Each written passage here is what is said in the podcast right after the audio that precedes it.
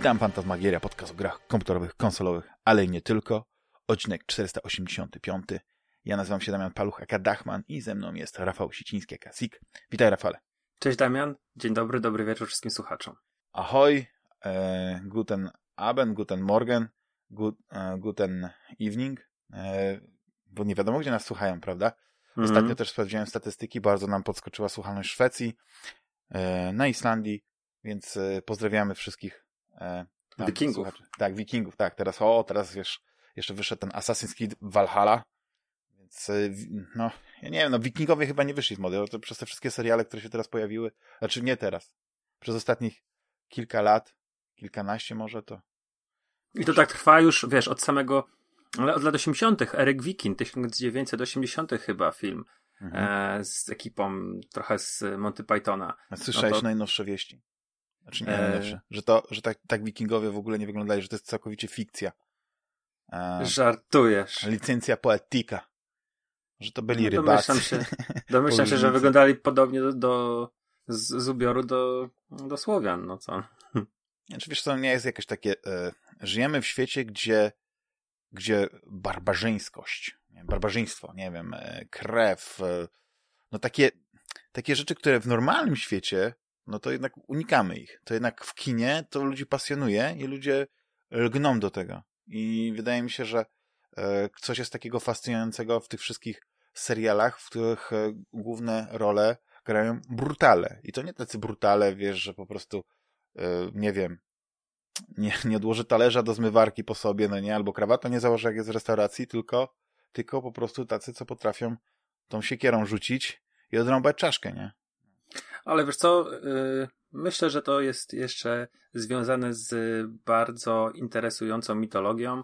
Mm, ona jest, y, nie wiem, jest, jest chlanie na nią, o tak się wyrażę mhm. brzydko, bo nie, nie wiem, czy, czy zauważyłeś, ale no ta mitologia grecka, mm, rzymska, no to tak jest troszeczkę już passé. To znaczy, może, może nie do końca, ale y, no, to, już, to już nie jest to, tak? Bo mieliśmy Kratosa oczywiście z gier mhm. God of War, ale ta mitologia grecka i, i, e, i, i związane z, z tamtą kulturą mm, wierzenia i legendy y, trochę, trochę zostają z tyłu. Takie, takie milusie są, nie? Tak, tak, taki du, duży film, duży film to była Troja, mhm. a później mieliśmy co? No mieliśmy tego Herkulesa z The Rockiem, a nie, tak czy... trochę to się temat wygasł, mhm. a zwróć uwagę, że mm, ta mitologia skandynawska jest, jest, jest e, no, od paru dobrych lat, i to tak mówię, no nie wiem, od dekady na pewno, e, w większym lub mniejszym stopniu, gdzieś tam cały czas, i to w grach, i w filmach.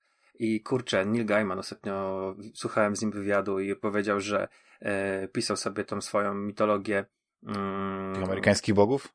Nie, nie, mitologię tą aha. skandynawską. Aha, tam. Aha. nie jestem I, tego czytany. Eee, a wiesz co, to jest to ciekawe, bo o, o tej książce chyba kilka razy było wspomniane na łamach Fantasmagierii, na pewno nie, na pewno, mówił. No, może właśnie też Kuldan e, czytał. E, tak, tak mi się wydaje, że właśnie to, to bo w ogóle się mm, z, z, trochę rozminąłem z Neilem Gaimanem i, i dzięki Fantasmagierii właśnie e, dowiedziałem się o tej książce, ale mm, no to Gaiman powiedział, że on pisał 6 lat, bo to traktował sobie jako taki jakiś tam projekt poboczny, a, a to się okazało, że to jest jego naj, najbardziej poczytna książka, najwięcej kasy na nie zarobił i już teoretycznie nie musiałby nic robić, bo, bo, bo tantiemy z tej książki są takie olbrzymie, e, miliony egzemplarzy. Mm, no ale też na pewno Marvel, MCU i, i Thor i Loki też napędzają to wszystko, więc... Nie, ale tak mówię, no jest coś takiego... Może tutaj też trzeba patrzeć. Jest coś takiego... Nie tylko na krew flaki, barbarzyństwo, brutalność, ale też na tą taką e, drugą część życia, tą duchową. Mhm. Znaczy będzie, że tak dziwnie trochę zaczęliśmy od tej, od tej Walhali, od tego, od tych wikingów, tego, tej, tego brutalnego e, tematu, ale tak sobie pomyślałem, że w sumie no to od czego mielibyśmy piątek, zacząć? No, piątek, piątek 13, 13, tak, 2020 rok, każdy się spodziewał Ragnaroku, no. a, a, jakoś to tak przeszło bokiem. No, miał, w 2012 miały być e, też różne dziwne rzeczy się dziać, koniec świata, okazuje się, że, że nie trzeba, ale a propos, piątek 13, faktycznie, nagrywamy w piątek 13. Państwo tego, yy, znaczy Państwo już teraz to wiedzą. Jak będą słuchać, podcast już oczywiście będzie po piątku 13, więc mam nadzieję, że się nic strasznego nie wydarzyło w tym czasie. Yy, ja postanowiłem sobie właśnie tak rzadko mi się to zdarza, tak tematycznie podejść do, do, do tematu, bo na przykład jeśli chodzi o Halloween, to jakoś specjalnie nie robiłem sobie jakichś maratonów filmowych, czy tak jak wy, no tam jakiś, jakiś op, op, mnóstwo jakichś filmów nie oglądałem, ale tak sobie pomyślałem dzisiaj, że tak piątek 13 nadchodzi i nagrywamy, to może właśnie tak sięgnę po kilka gier z dreszczykiem, i, i e, w nie pogram, ale też obejrzałem sobie to dzisiaj, nie tak czekając na to nasze wspólne spotkanie tutaj w wirtualnym studiu. E, mhm. Piątek 13, tą wersję z 2009 roku. Markusa e, Nispela. Tak, tak. I no w ogóle tam jest, to jest w ogóle kapitalna część, bo tam przecież jest sam Winchester, nie? Więc przecież Jason nie ma szans, nie? W ogóle nie wiem, co oni, co oni myśleli, no nie? No ale yy, znaczy pamiętaj, tak, zacząłem go oglądać i, i trochę się wystraszyłem, bo, bo tam jest ten taki prolog. On jest trochę przydługawy, bo chyba z 10 minut trwa, może trochę dłużej. Jest, to jest taki typowy slasher, nie? Idzie ta, ta grupka młodzieży, już takiej starszej młodzieży, wycieczka po lesie, no i oczywiście jak, jak to w piątku 13 następuje y, pojawienie się Jasona znikąd, zaszlachtowanie tych, tych, tych ludzi w różne, na różne sposoby. I tak mówię, no nie, mówię, co za w tym filmie nic nie ma, tylko jest gore, gore. A później właśnie nadchodzi ten, ten, ta druga część, nie? Ten, ten, albo pierwszy akt, albo drugi, nie wiem jak to właśnie ładnie się yy, w filmoznawstwie to określa. Kiedy poznajemy właśnie sama Winchestera, który szuka swojej siostry. I ja już nie pamiętam z jakiej przyczyny, ale tam chyba chodziło o, to, o ten medalion e, matki chyba Jasona. E, no ta, ta, ta siostra tego właśnie sama Winchestera nie, nie została zamordowana, więc faktycznie jest sens, żeby on ją szukał, nie? Bo ona mhm. zaginęła, on tam z tą grą, no ale później to jest taki typowy yy, slasher, ale ma coś w sobie. No nawet, nawet mi się podoba. Powiem ci tak, że, że yy, nastawiłem się, że to będzie taki klasyczny gore, flaki, krew i tak dalej, a, a, to jest, a to jest taki klasyczny slasher, że są, prawda, powiedzmy kobie, kobiece wdzięki, trochę tam, yy, jak to się mówi, współżycia e, i jest oczywiście zabijanie i jest, jest trochę elementów komediowych. I powiem tak, że, że spoko. No, ten, zresztą piątek 13, e, Rafale, no to już nie ukrywajmy, ty jesteś specjalistą piątków 13, widziałeś wszystkie 10 części, 11, bo na chyba, e, nie wiem jak je liczyć. Bo Freddy versus Jason przecież to też tak. chyba jest część uniwersum i jest znaczy chyba Freddy w kosmosie, nie, Jason w kosmosie to chyba po prostu była część. Tak. Jason X, bo to było tak, że piątek 13 e, był do ósmej części, później chyba inna e, wytwórnia miała prawa i już się nazwała dziewiątej części piątek 13, tylko było Jason Goes to Hell, a później hmm. było Jason X. Także mamy 10 takich podstawowych plus ten remake i Freddy kontra Jason. Mhm, mhm. No co ci mam powiedzieć? No tak, oglądałem wszystkie, no. Eee... Znaczy nie wiem, czy masz, masz w ogóle sentyment do, do Piątku 13, bo ja nie jestem jakimś wielkim fanem e, wiesz, Piątku 13. Jakby nie, nigdy nie zachłysnąłem się e, tym fenomenem, tak samo jak nie, nie zachłysnąłem się fenomenem taksańskiej masakry łańcuchową, chociaż ona wtedy, kiedy się pojawiła, to były lata 70. chyba końcówka, nie? No to, to był jakiś fenomen, nie? Takiego kina raczej mm -hmm. wtedy nie było. Więc e, oni otworzyli Tam... jakiś, jakiś wrota piekieł, a tutaj e, no to jak z piłą, prawda? Pierwsza piła była no, fenomenalna, bo nikt, nikt czegoś takiego wcześniej nie widział. Znaczy, nie, nie tyle, ale chodzi mi o to, że ona zaskoczyła, tak? Mhm. Ale później kolejne piły to już było odcinanie kuponów i oczywiście rozbudowa tego uniwersum. Więc z piątkiem 13 mm. mi się wydaje, że było podobnie. Oczywiście, no, ja nie jestem takim specjalistą, więc oddać tutaj Rafale głos. To znaczy, wiesz, nie chcę, jakoś, albo... nie chcę się jakoś yy, wielce yy, rozwolić, bo to nie jest moja ulubiona seria i tutaj nie mamy się co oszukiwać. E, piątki 13 to nie były dobre filmy. E, mhm. One mogą się podobać. Oczywiście na przykład Piątek 13 4 e, ostatni rozdział z Crispinem Gloverem i z Korejem Feldmanem, po prostu rewelacyjna część, uwielbiam ją, mhm. ale to jest dobry, zły film. Natomiast mm, no ten pierwszy na pewno wziął ludzi z zaskoczenia, miał tą finałową scenę e, na jeziorze, taką bardzo e, no, no, mrożącą krew w żyłach, bo to już było to takie rozprężenie, e, no teoretycznie morderca pokonany i, i jest ta finałowa scena, która no, no, nie wiem, czy to był pomysł Cunninghama, reżysera, czy to był w jakiś tam inny sposób się pojawiło, ale mm, no taka jest ikoniczna, zapadła w pamięć.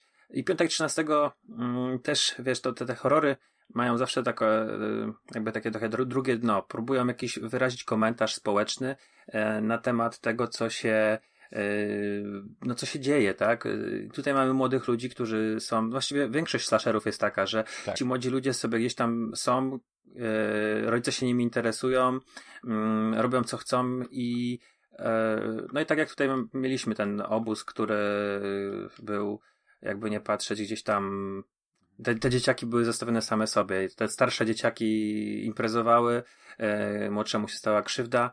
Mm, no, gdzieś tam tak. pewne, pewne elementy takie można doceniać w tym, w tym filmie. E, no też chyba jedna z pierwszych ról Kevina Bacona, prawda? E, tam w tej oryginalnej części. E, natomiast co, nie ma się co oszukiwać, że ten, te filmy się właśnie ogląda dla, dla śmiechu, najlepiej na imprezie z grupą przyjaciół i oglądać te no, niesamowite, wymyślne sceny morderstw, które mhm. nie wiem, czy tam um, czy, był, czy, czy ta sama ekipa zawsze odpowiadała za, za, za, za efekty, czy, czy się zmieniała, no ale prześcigali się, tak? Można powiedzieć, że walczyli o to, żeby e, robić jak naj, najciekawsze te, te sceny morderstw. E, Widzisz, ja, no. ja na przykład e, e, tutaj zgodzę się z tobą, że to faktycznie jest pewien taki, znaczy nie tyle, że zgodzę się, co um, filmy, kiedy one się pojawiają i e, nikt się ich nie spodziewa, to oprócz tego, że mają właśnie ten element e, szoku, no nie, bo to jest bardzo film brutalny, to faktycznie coś zmieniają. I tak jak e, przez Hitchhikera, prawda, ludzie przestali albo zaczęli się jeszcze bardziej bać autostopowiczów. Tak samo tutaj na przykład takich wypadów do lasu i tak dalej, ale e, to też pokazywało, że mm, e, i to i taka jest świetne e, w Cabin in the Woods, nie? Chyba w domku w lesie, tak jest polskie tytuł? Mm -hmm. Że oni, tak. akad, bo tam była to oczywiście, tak ładnie się mówi, meta. Zresztą o domku w lesie to możemy porozmawiać za chwilkę, bo to jest, moim zdaniem, to jest w ogóle z, z takich slasherów, ale, no, to jest najlepszy film, ale on jest dlatego, że on jest inteligentny. On gra tą e, tą konwencją i, i, i później mamy tę, tę, tą, tą zwaną metę. Ja nie, nie, lubię tego słowa, ale mi się ładnie je układa w, w buzi. Jakat, mi się wydaje, że w przypadku Jakat tego filmu ono bardzo pasuje.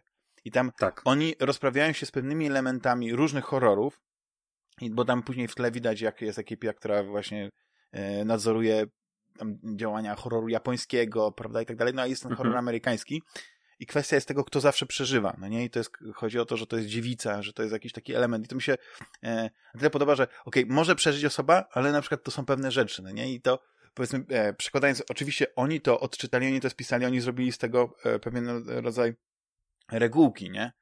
Ale no faktycznie może, może taka, taka zachowanie czystości jest jak e, pokazanie, nie wiem, no krzyża wampirowi albo, albo, albo zjedzenie czosnku i chuchnięcie w twarz. Nie, wiesz, wiesz co mi chodzi. E, no. Być może to się jakoś podświadomie e, w, w czaszkę młodych ludzi no, ryje jakoś, nie wiem jak to powiedzieć, zapisuje, bo ja tak sobie pomyślałem, że być może warto jest pewne filmy, czasami brutalne, pokazywać młodym ludziom, żeby ich trochę przestrzec. Żeby na Oj. przykład nie robili złych rzeczy. To na pewno i wiesz, przede wszystkim jednak horrory są dobrą odtrutką na taki prawdziwy strach. To znaczy nie strach przed pająkiem, nie strach przed e, nie wiem, szczurem. Tylko wyjściem na cmentarz. E, tylko nie, tylko po prostu strachem przed, przed życiem. Te, no tutaj są całe prace naukowe, wiesz, opisywane, że jednak horrory mają tą wartość, że ludzie zmierzają się z własnymi lękami, albo nawet nie z własnymi, tylko po prostu z lękami i, i, i się oswajają. I, mhm. One mają na pewno, no, może nie terapeutyczną, ale jakąś taką wartość edukacyjną, mm, czy jakąś głębszą też, chociaż często, no nie ma co się oszukiwać, to jest gatunek, który ma prawdopodobnie największą ilość głupich filmów i złych filmów ale też to jest taki dlatego gatunek, że najłatwiej taki film zrobić. Tak. Y, jest najtańszy w produkcji. Jumpscary, I... jakieś takie brutalne rozbryzgi krwi, jakieś takie te... I nie wymaga profesjonalnych aktorów, bo jednak wiesz... Mm, Krzyczy innego... każdy, tak zagrać w komedię, no bo komedia ma, musi mieć odpowiedni, wiesz, pacing, musi odpowiednio ten żart wybrzmieć, w odpowiednim momencie się pojawić. To są mistrzowie komedii, ale jest, yy, no jakby nie patrzeć takich tych ko komedii, yy, znaczy słabych też jest bardzo dużo. No tak, ale, o co, mi, ale o co mi chodzi? Yy, amatorzy rzadko kiedy biorą się za komedię.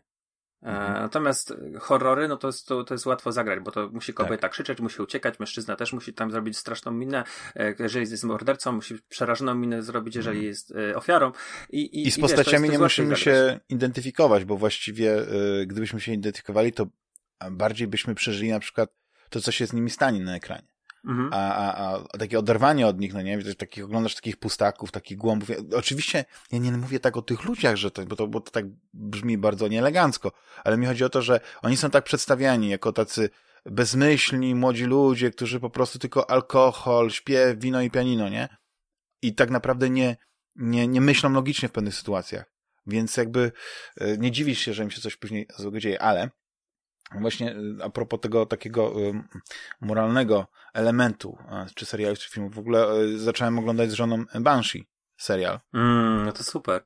To jest, to jest serial, oczywiście o nim wiedziałem, jak kiedyś go zacząłem oglądać, więc to jest dla mnie taka powtórka i nigdy go nie skończyłem, ale, ale no tak jak mówię, oglądamy go od początku i tak a propos tego, właśnie tam jest taka scena, jak oni sobie robią tą imprezę, ten rave e, w tej shopie, nie, czy tam stodole, czy cokolwiek to jest. Mhm i tam wjeżdża policja, ale też w międzyczasie no, widzimy, kiedy dochodzi do tragedii, nie? Tam widzimy młodego człowieka, który, który przydawkował e, albo po prostu wziął e, narkotyki nie, nie najlepszej jakości. Ja nie pamiętam dokładnie, co tam się stało. W każdym razie zmarł. I ja sobie tak myślałem, wiesz, to nie jest serial, który chciałem pokazać e, komuś, kto nie skończył 18 roku życia, dlatego, że on jest, to jest, tam, tam się z niczym nie patyczkują. On jest brutalny, tam jest przemoc, tam jest seks, tam jest wszystko e, e, tak naturalistycznie pokazane, ale jednocześnie, wiesz, taka scena, to, to, to jak to wyglądało, wiesz, to, to może przestrzyć, przestraszyć, nie? I dlatego mhm. sobie myślę, że to samo właśnie jest, nie jest w horrorach, ale e, żeby za bardzo nie, nie odchodzić z serialem, bo najwyżej później porozmawiamy o serialach, ale yy, miałem okazję w końcu, bo pojawił się teraz na międzynarodowym Netflixie, przynajmniej też yy, irlandzkim, yy, nasz polski piątek 13, czyli w lesie dziś nie zaśnie nikt. I ja teraz jak obejrzałem ten piątek 13, właśnie ten nowy, ja mówię, mhm. jak, jak wiele jeszcze jest, jest różnic. Ja że jak na przykład same tempo, chociaż e, ogólnie w lesie mi się bardzo podobało. E, podobał ten film. Że, no taki Venom z kosmosu przyleciał, nie? Tak, tak. Znaczy jest generalnie też taka, jest tam taki e, krótki origin story, tak mi się w ogóle, nie wiem dlaczego, e, być może to zupełnie jest chybione, ale jakiś tak miałem w stylu głowy Jeepers Creepers, albo coś w tym stylu, nie? A, a, e, Smakosza to jest tak. Smakosz, to tam był morderca, który e, też chyba rzeczywiście zjadał tak. E, ludzi, tak, masz rację. Jeździ Ale to nie mam w ogóle taką ciężarówką. Tak, ja to w ogóle nie mamy, wiesz, pretensji, że to jakieś inspiracje i tak dalej, tylko po prostu tak wspomniałem, dlatego że e, ogólnie bardzo mi się podobał, to był tak świetnie zrealizowany, ale miał taki zupełnie inny Tam, tam oczywiście były sceny mordu, był, był, mhm. był ten slasher, ale to było jakoś tak inaczej yy, rozłożone. I za każdym razem właśnie też jak widzę, jak się y, walczy z takimi potworami, takimi, takimi Jasonami, takimi właśnie yy, braciami jak w tym, w tym lesie, czy tak dalej, dlaczego ich się nie światuje, nie pali tych zwłok, nie ten, tylko po prostu się tak zostawia. Bo to samo jest z Jasonem. Jason po prostu jest nieśmiertelny, więc się regeneruje, więc po prostu zostawisz go, on się tam później No ale to, mm, to prawda, ale wiesz, że chyba tam w którejś części Jason jest duchem wędrującym po prostu od ciała do ciała, ile dobrze kojarzę. A, tego nie znałem, albo nie tak, pamiętałem, tak. wyparłem. I, I wiesz, generalnie to jest, y, to jest zombie, a chyba w dziewiątej części się okazuje, że jest jakimś demonem z piekła. Już teraz tak do końca nie pamiętam. Mhm. E, no bo to też lata temu oglądałem, to, to, to był taki moment, kiedy nasza telewizja publiczna w piątki e, wieczorami puszczała właśnie horrory. I, I była taka chyba czerwiec, lipiec ta seria leciała. Mhm. I pamiętam, to było akurat bardzo miłe wspomnienie, bo wiesz, my, my mm, bo jest, było jakieś takie forum, no to taka, że to pewnie gruba prehistoria, e, było kilka forum, forów horrorowych, e, i, i, I z tych forów różne towarzystwa wyszły. Akurat na, na moim, na mm, tym, na którym ja pisałem i na którym zresztą y, kupę lat y, spędziłem i do, do tej pory przecież Mando z tego forum po, z konglomeratu jest mm, cały czas trzymamy jakąś tam paczkę razem wyjeżdżamy to tam wiesz, był czat i mhm. 23 wszyscy się logowali, kilkanaście, kilkadziesiąt osób czasami i, i oglądaliśmy wow. te piątki 13 pijąc sobie piwko i komentując. No to były wiesz, takie, takie stare dobre czasy. Stare dobre czasy, y, wspomnienia no life'ów, tak? Zamiast piątek wieczorem wyjść na imprezę gdzieś się bawić, to, to siedzieliśmy, oglądaliśmy horror. Ja wiem, ale wtedy to, wydaje, na... wydaje, że po prostu o kilka epok wtedy tak, czas, bo dzisiaj właśnie tak wygląda imprezowanie wspólne. Już się, już się wtedy przygotowaliśmy na to, tak. na to, na to ewentualny 2020, że, że trzeba będzie jednak się Już wtedy udowodniliście, że tak, że można. Mm. Tak, oczywiście wszystko można. Koncerty można, oglądanie film, kino takie. Znaczy w kinie się nie, nie powinno rozmawiać, no nie? Ale to jest właśnie kino, w którym można rozmawiać. Oj, ja ci powiem, że jeden z najlepszych, najfajniejszych seansów, na jakich byłem, to był 2012 rok, Polkon i my wyszliśmy też tą samą grupą, kilkanaście osób, poszliśmy do kina na Niezniszczalnych 2 i to był najlepszy seans, jakim byłem, bo liczyliśmy trupy, śmialiśmy się, po prostu, wiesz, e, komentowaliśmy na głos i były chyba dwie pary oprócz nas, bo to było jakieś dopołudniowe, znaczy takie wczesne popołudnie i one się też y, fantastycznie bawiły, że bili nam brawo. No Więc proszę, to, to, proszę. To, to, to, tak też to taki riff, można, czasami, riff czasami w tak? kinie można, czasami w kinie wydaje mi się, że można. No, no tak, no jeśli to też jest ciekawa nie ma, sprawa. Nie ma innych osób, którym przeszkadzasz, bo e, ja generalnie jestem z tych, z tych takich e, oglądaczy, którzy w kinie akurat e, nie lubię, jak Muszą mieć ciszę. komentuje, ale rozumiem, ale to, wiesz, że to, były, to był musi... czas i miejsce, które, które na to pozwalały tak, i fajnie to wyszło. musi być, że jednak, to jednak większość w ten sposób się bawi. No bo to też jest, to jest ciekawe, bo znowu wracamy do horrorów. Tak. Zwróć uwagę, że jednak mm, no to są horrory, to są, to jest taki gatunek, y, który, jeżeli chodzi o filmy, mm, skupia ludzi. Oczywiście science fiction też, ale tutaj mamy raczej fantastyka skupia ludzi. Mm, i, I tworzą fandomy. I fandom horrorowy jest bardzo prężny, bardzo e, mocno żyjący konwentami, spotkaniami. Mm, tego nie ma, jeżeli chodzi o miłośników komedii, czy miłośników kina lat 20. czy 30., kina niemego.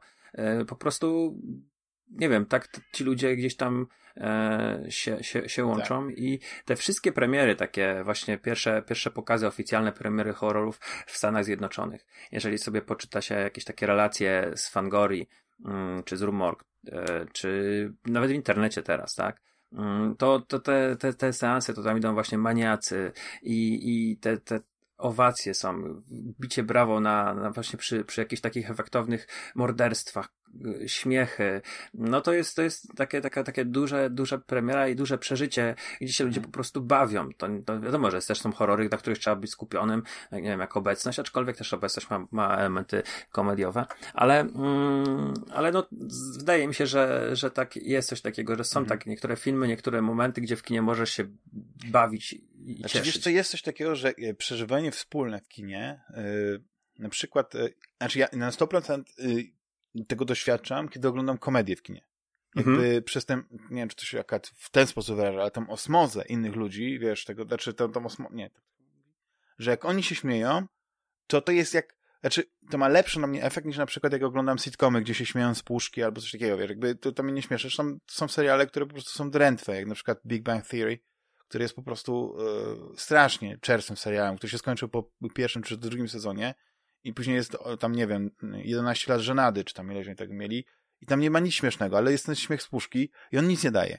Ale na przykład yy, w kinie takim studyjnym w, w Częstochowie byłem, e, kino Iluzja, fantastyczne, małe kino, no i oni tam zawsze mają jakieś takie filmy, które nie są, nie jest ten mainstream, a przynajmniej nie jest ten mainstream zachodni. To może być mainstream na przykład francuski, nie? Tam, mhm. yy, wiesz, no te komedie, o których nieraz wspominałem, no nie wiem, chyba w tamtym roku albo dwa lata temu byłem na i znowu zgrzeszyliśmy Dobry, Bo yy, Dobry Boże. I ja płakałem ze śmiechu, ale to tak po prostu ten śmiech jeszcze innych ludzi, a sala była pełna.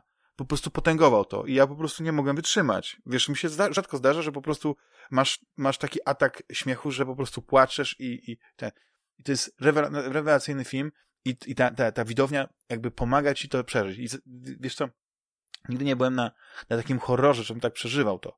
E, ostatni horror, który pamiętam, że e, faktycznie to było coś nowego, no ale to było ponad 20 lat temu, to był Blair Witch. Blair Witch Project. Mhm. I e, tylko ja tam szedłem, nie będąc przygotowany. Ja nie, znaczy w sensie, ja nie uwierzyłem w to, że to jest, to, że to jest prawda. Ja, nie, ja, ja nie, nie wiedziałem nic o tej kampanii, która przygotowała to do tego. Ja po prostu to obejrzałem i e, zainteresowała mnie ta konwencja, ta forma, formuła, która później oczywiście no, okazała się być jakby E, rewelacją dla, dla, dla twórców niezależnych, takiego, tego kina właśnie też znowu czegoś, co można zrobić za bardzo małe pieniądze. Czyli ten found footage, nie? Czy te znalezione zdjęcia i tutaj składanie z tego, że to się, to się sprawdziło. I niektórzy to wykorzystują nawet w dużych produkcjach, nie? Bo tam, e, ojejku, jak się nazywa ten, e, ten fi film o huraganie. Znaczy huragan jest taka ekipa, która ściga nie. Ale to jest jakieś... Into jakieś... the Storm chyba coś jakieś, nie wiem, mm -hmm. ale tam też jest found footage, tylko to po prostu to jest ten e- element, że praktycznie każdy, kto ma kamerę, nie, to, to później to jest poskładane mm -hmm. i to po prostu wygląda jakby było e, kilkunastu operatorów, bo każdy ma jakiś, wiesz, jakąś GoPro kamerę albo jakąś profesjonalną i tak dalej i tylko składają, ale wiesz, e, wtedy jak byłem na tym Blair Witch Project, to nie poczułem tego, tego, tego wspólnego strachu, że czasami słyszysz, no bo ludzie, wiesz, jumpscare jednak działają, nie, to jest coś, co, co jest jakby naukowo udowodnione, że jumpscare mhm. puścisz, to jak jest 100 osób, to tak przynajmniej połowa albo i więcej krzyknie, wystraszy się i tak dalej. A w kinie, no to już wystarczy, nie? I, jest to, ale ja po prostu tego tak nie, nie czułem i właśnie e, e, nie wiem, no poszedłbym na jakiś dobry właśnie horror do kina, ale ale nie wiem, czy e, czy, czy, czy jednak, coś grają. Tak, nie, no teraz to nic nie grają, ale właśnie czy jednak najlepiej nie hor horrorów, filmów nie przeżywa się w domu, oglądając samemu, po północy. Yy, najlepiej przed wizytą na cmentarzu, albo coś w tym stylu. Po prostu. Wiesz o co chodzi, że Wiem. jakby są pewne czynniki, które jakby wpływają psychologicznie na ciebie i oglądanie, jak jesteś sam w domu, nikogo nie ma, wiesz, jeszcze jak jakiś oglądasz film, gdzie yy, Stranger's Calls albo wiesz, yy, początek Scream, no to, to, to robi na tobie wrażenie. To, to buduje w, w twojej głowie pewien, pewien obraz zupełnie irracjonalny, bo jak na przykład mogę się, e, prawda, nie wierzyć w duchy, ale później przychodzi taki moment, jest ciemno w pokoju, albo jest ciemno gdzieś w jakimś opuszczonym budynku, w środku lasu, no to by mi ta wyobraźnia na pewno podpowiadała cuda, nie? Więc, e, no ale to jest tak a propos, a propos takich strasznych rzeczy. Ale wracając do, do domku w lesie, już takie wielkie koło, bo możemy zakończyć te, ten wątek piątku 13, to to jest fenomenalny film. To jest tak świetnie zrobione w ogóle i, i też komedia, ale też przede wszystkim właśnie yy, taki, taki, taki slasher, no, nie? no i tam końcówka to już jest w ogóle yy, coś fenomenalnego. Ale nie wiem, czy ktoś w ogóle nie widział tego filmu. Chyba wydaje mi się, że wszyscy yy, szanujący się yy, Kinofile. Słuchacze, słuchacz Fantasmagierii. Aha. Na pewno. No nie, jest, jest, jest, jest, jest bardzo dobry. Jest mm -hmm. naprawdę mhm. bardzo dobry. Jest też, mm, tak mi się przynajmniej wydaje, że e, no, ten, ten scenarzysta, bo to, to chyba scenarzystą też był, kurde, ten od. Yy, lubisz ten serial, teraz Firefly. To on był też współscenarzystą od Firefly'a facet. Mhm. Um, no tak, ale Josh, Josh Whedon... Ale, e, a, Whedon, właśnie. E, on, ale, on się nie... Jakby to powiedzieć...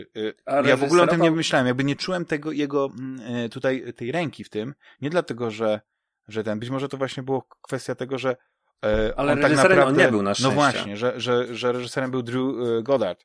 O, właśnie, I, Goddard, tak. I co najlepsze, to, to jest... był jego debiut reżyserski. Debiut reżyserski, ale ten facet w ogóle już wcześniej parę fajnych rzeczy napisał. Mhm. E, bo on pisał zagub...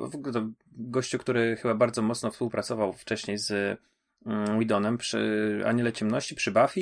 Tak. E, alias, ale później poszedł pod skrzydła tak. E, właśnie, a później pod skrzydła Abramsa i tak mi się wydaje, że właśnie e, przecież napisał projekt Monster, Cloverfield, który też był fan footage, jak jesteśmy już przy tak. fan footage, mhm. to też warto wspomnieć i ten film był naprawdę bardzo ciekawy, jeżeli chodzi o e, wszystko, nie tylko to jak wyglądał, tylko też y, sam koncept. jak budował atmosferę, tak, tak, tak, tak, tak. I, I cały marketing tego, tego filmu był rewelacyjny. I po tej e, Dom w głębi lasu on napisał przecież Marsjanina między innymi e, który no, moim zdaniem jest również bardzo dobrym filmem, jak na e, teatr jednego aktora praktycznie. Mhm, mhm. Nie no, ja, ja, ja tutaj się zgodzę, że mm, no, gość, gość jest niesamowity. Bo patrzę sobie właśnie, co on jeszcze zrobił, ale faktycznie to są takie, że wszystko, co zrobił, a może nawet nie musiał tak Źle się robić, dzieje w są... Royale, taki film tak. zrobił ostatnio, ja go byłem na nim w kinie. Mm, dosyć ciekawy, taki, taka, trochę tarantinowska rzecz, mhm. ale E, tak. w klimatach lat 70., tak przynajmniej ja to odczuwałem. E, nie jest oczywiście to nic specjalnego, ale naprawdę bardzo przyzwoity. Mhm, mhm. no i on robił, on robił przy Daredevilu Netflixowskim. Wiesz, e, nie wiem, czy on w ogóle nie był twórcą tego serialu. Daredevil do Netflixa, tego, tych trzech sezonów. Ale no, nie, jestem, nie jestem na 100% pewien.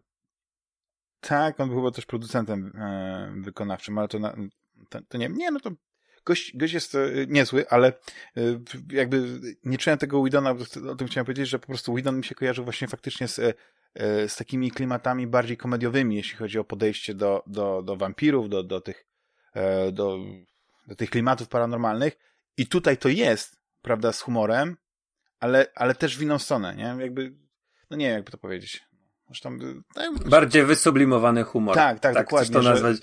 że... to nie jest taki wujkowaty humor Widona, bo Widon ma taki no, no, no, dla, dokładnie. mnie, dla mnie trochę... E, no, ja nie, uwielbiałem nie... Buffy, ja uwielbiałem ten humor Buffy, ale to, ale to jest humor, który e, nie wiem, czy ja próbowałem w ogóle do tego serialu wrócić, czy nie, chyba nie.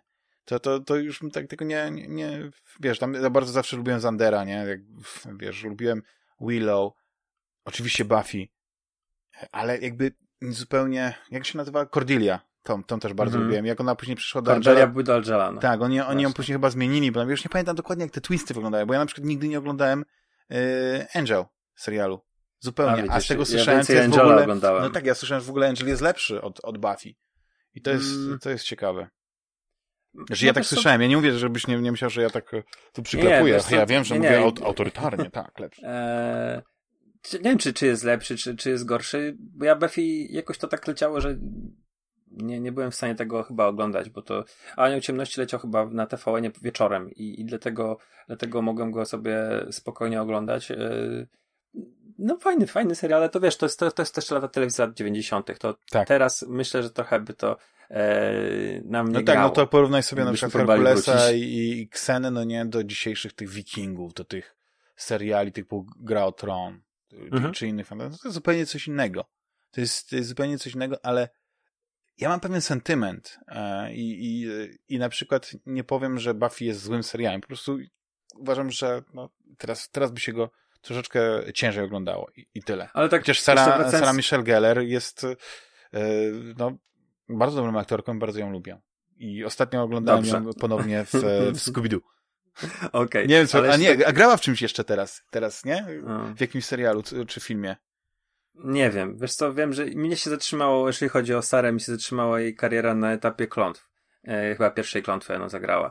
A jeszcze wracając na chwilę do Angela. Zagrała. Ja tak mam wrażenie, że e, taką nową iteracją Angela jest Lucifer e, Netflixowski teraz w tej chwili. A, ulubiony serial Ryszarda, no tak. E, że to jest coś, coś tak po, mm, tak jakby, no nie wiem, feel, klimat e, anioła. Oczywiście mniej, mniej jest może e, takiego mm, nakierowania na, na seks w Angelu, bo jednak mm -hmm. on tam gdzieś tam to, to, to miłość miał i, i no tak, tak dalej. Ale, ale ja tak podobny feel czuję w tych serialach. Mhm, mhm. Znaczy, y, nie wiem, nie wypowiem się. Ja znowu jestem w tym obozie takim, która, która oglądała Lucyfera i to było taki guilty pleasure dla mnie. Ja bardzo lubię ja tego to, y, Toma Elisa, tak się chyba nazywa ten główny aktor. Mhm. I jest kapitalny. I ja y, dzięki, dzięki w ogóle, nie wiem, jakimś takiej, y, nie wiem, jak to się ułożyło, że ja obejrzałem po prostu z nim ten taki serial y, brytyjski chyba, czy Miranda? Taki serial chyba, nie? Czy, czy nie? Nie, pytaj mnie, nie znam tego aktora, chyba właściwie poza Lucyferem w niczym go nie widziałem. Muszę zobaczyć, bo to jest, yy, tak chyba tak się nazywa. To jest, y, ja, ja sobie tutaj y, szybko googlnę.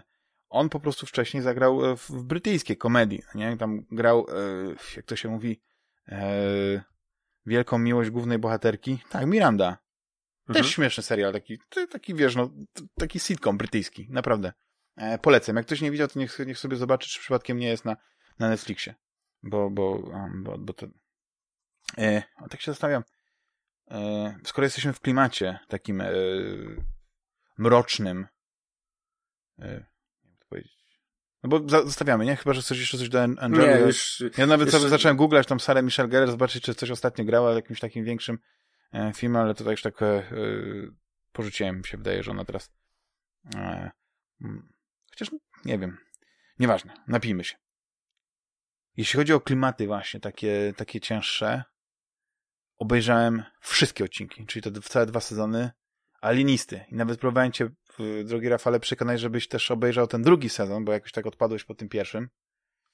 I, e... I zacząłem, i zacząłem. Tak? Tylko, że z braku, bo wiesz co, zaplanowałem go sobie na 11 listopada. A, bo zacząłem go oglądać na początku tygodnia, obejrzałem dwa, dwa i pół odcinka i mówię, a będę mieć 11 listopada czas, to sobie poświęcę go tam tak. na, te, na te kilka odcinków, które zostało. No ale niestety tam sytuacja e, spowodowała, że no nie miałem tego czasu. Nie rozumiem. I, I, nie byłem na żadnym marszu, nic z tych, z tych rzeczy, ale po prostu gdzieś tam sprawy, sprawy rodzinne e, mnie zaabsorbowały i, i te plany miałem, mi się pokrzyżowały. Mm. Mhm. No nie, no to rozumiem. Nie musisz się tłumaczyć, Rafale. E... Dziękuję ci bardzo.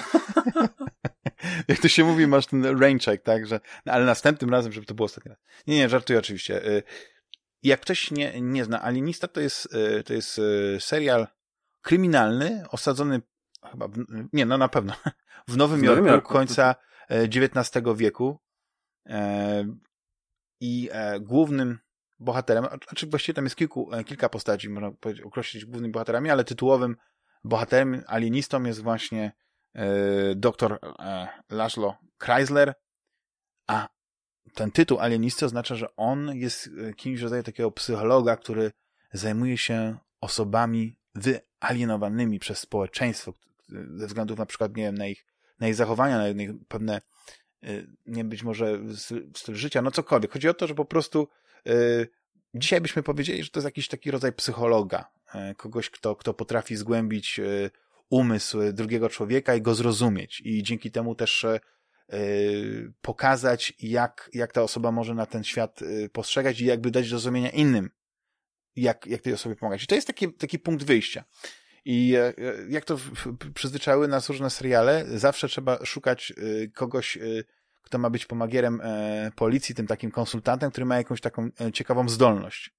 I na pewno widziałeś jakieś seriale, w którym ktoś miał niesamowitą pamięć, albo ktoś miał niesamowity E, węch, albo ktoś był po prostu świetnym pisarzem, jak w Castle, nie? I, mhm. i no, w samej postaci Sherlocka Holmesa to jak nie muszę e, wymieniać. Bo no ale jest to bardzo znany schemat, masz rację. Tak, czy to, to jest, schemat... medium, czy to jest e, mentalista, czy to jest Dokładnie. pisarz, tak jak wspomniałeś. Tak. Liar, Liar, Pants on Fire, tak? Nie jak się nazywa? The Liar? Był taki też chyba no nie jest kapitan... Mm, tak, tak, tak. Działo tak. się chyba w Vegas, ale to też tak mi się wydaje, tak, ale tak. może...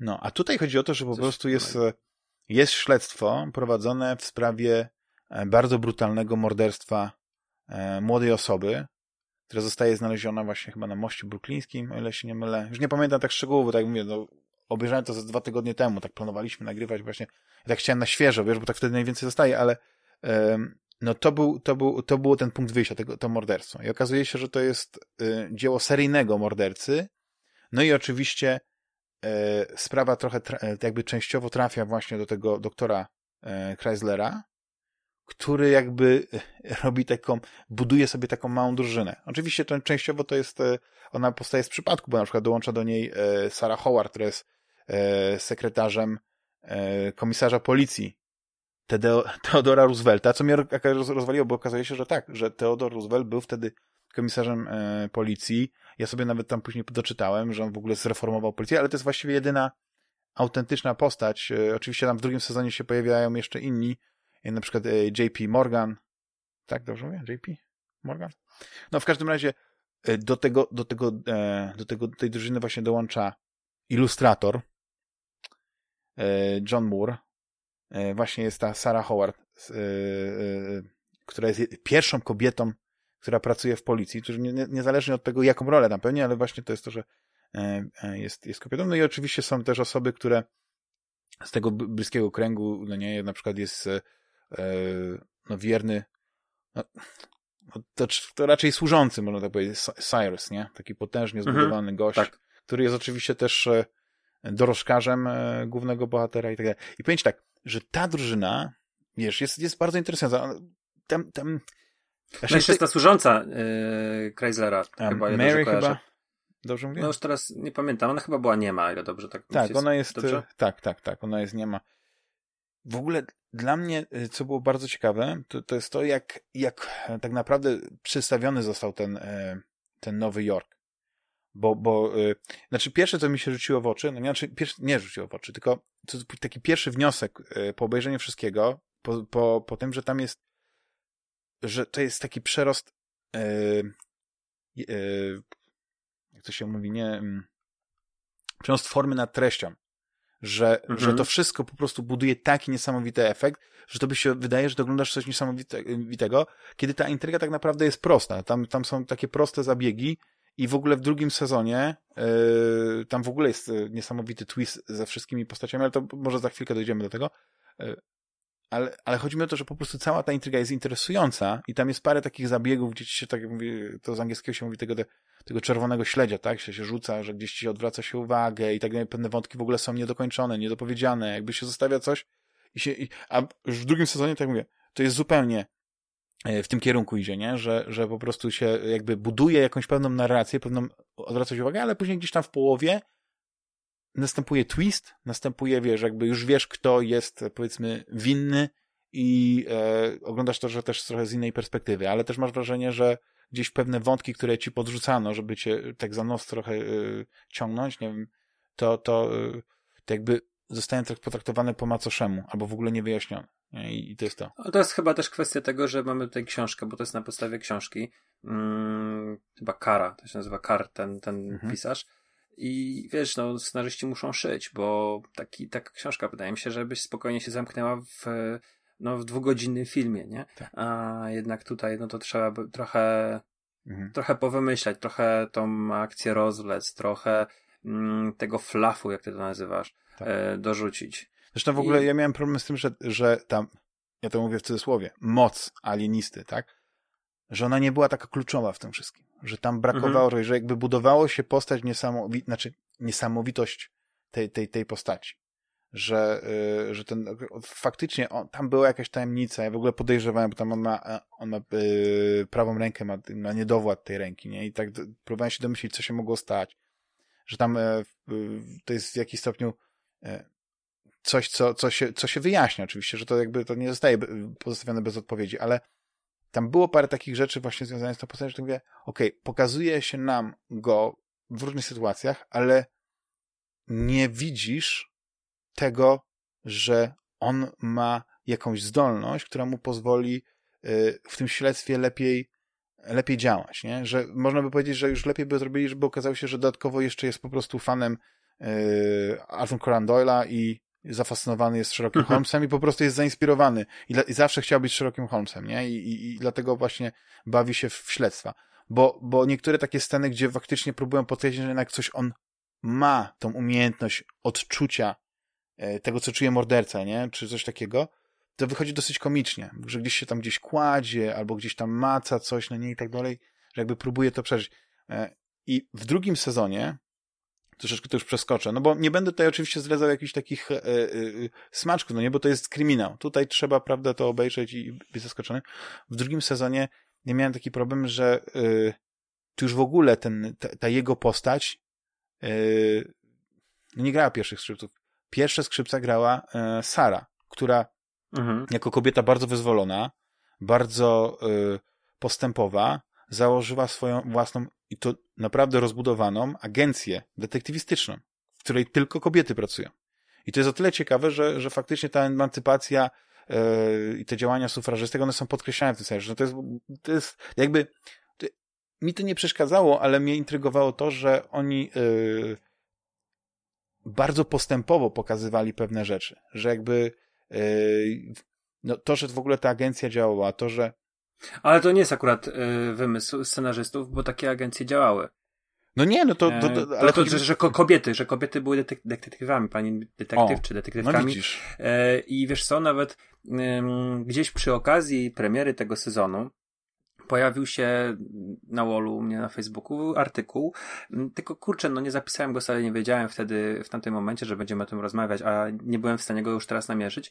Mm, jakiś fanpage y, zrobił taki całkiem fajny wpis, gdzie wrzucił zdjęcia z przedwojennych y, gazet, właśnie tam z... Y, Ale przedwojennych lat... czy z, z, z fin de siècle?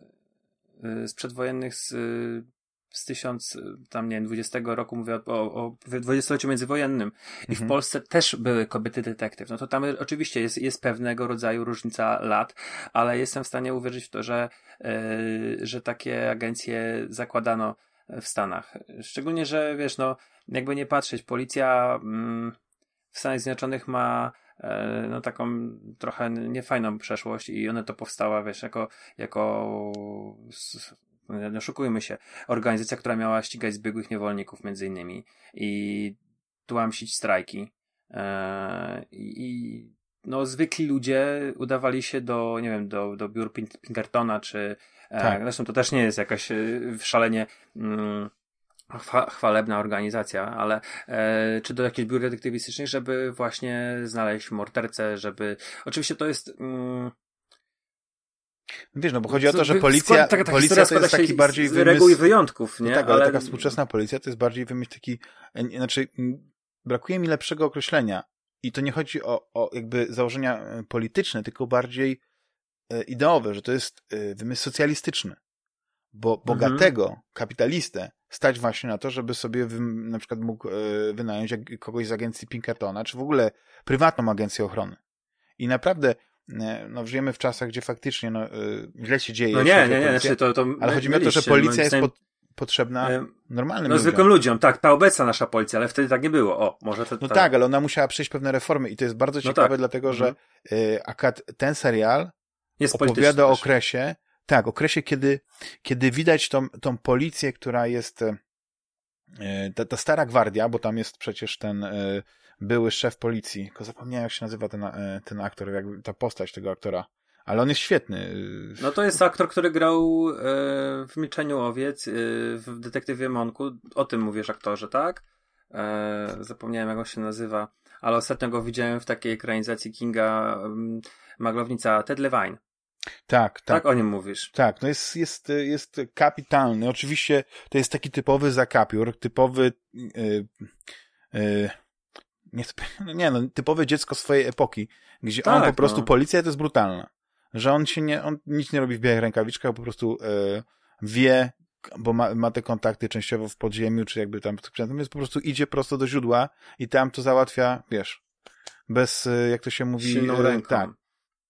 I, ale to, co właśnie te reformy, które wprowadził, bo to jest bardzo ciekawe, że to jest, to jest coś, to, to właśnie lubię w takich serialach, które opisują pewną epokę i wiadomo, że pewne rzeczy no, muszą być licencja poetyka, muszą e, w jakimś stopniu być atrakcyjne dla widza, ale jednocześnie e, daje się właśnie takie, takie smaczki, takie nawiązania do, do, do historii, e, czy do, do autentycznych wydarzeń. I, i e, przeczytałem właśnie sobie o tym, jak Theodore Roosevelt, zanim później został, prawda, prezydentem Stanów Zjednoczonych, no był faktycznie komisarzem policji i wprowadził wiele reform, wiele, wiele zmian, które no, usprawniły działania policji i jednocześnie właśnie jakby yy, dały podwaliny te, temu, co, co powiedzmy się rozwinęło w taką policję, oczywiście no to, to z czasem, yy, jaką mamy teraz, nie? Czyli właśnie taką bardziej zorganizowaną, podzieloną, prawda, że masz yy, no, to, no to jest bardzo ciekawe, naprawdę, to, to można sobie o tym poczytać, na pewno pewnie nie jedna książka została na tym napisana, o tych, tych reformach, ale to mi się bardzo podobało, ale no tak jak mówię, najbardziej po prostu y, dla mnie największe wrażenie robiło to, jak oddano ten Nowy Jork.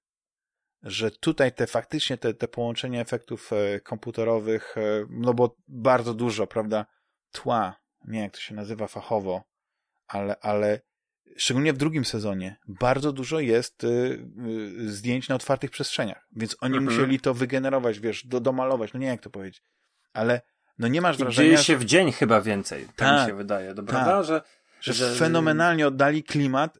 Po te prostu... pierwsze trzy odcinki były takie w dzień dziejące się głównie. Tak, tak. I, I ja po prostu byłem pod wrażeniem, jak, jak fenomenalnie, z jaką pieczołowistością, z jakimi szczegółami oddali ten yy, yy, no, no, Nowy Jork, nie? Tam, tamtych mhm. lat. I to jest, to jest dla mnie no, yy, no poziom, który te, tak naprawdę teraz, znaczy do tej pory widzieliśmy w kinach, nie? gdzie był taki budżet, żeby można było to zrobić.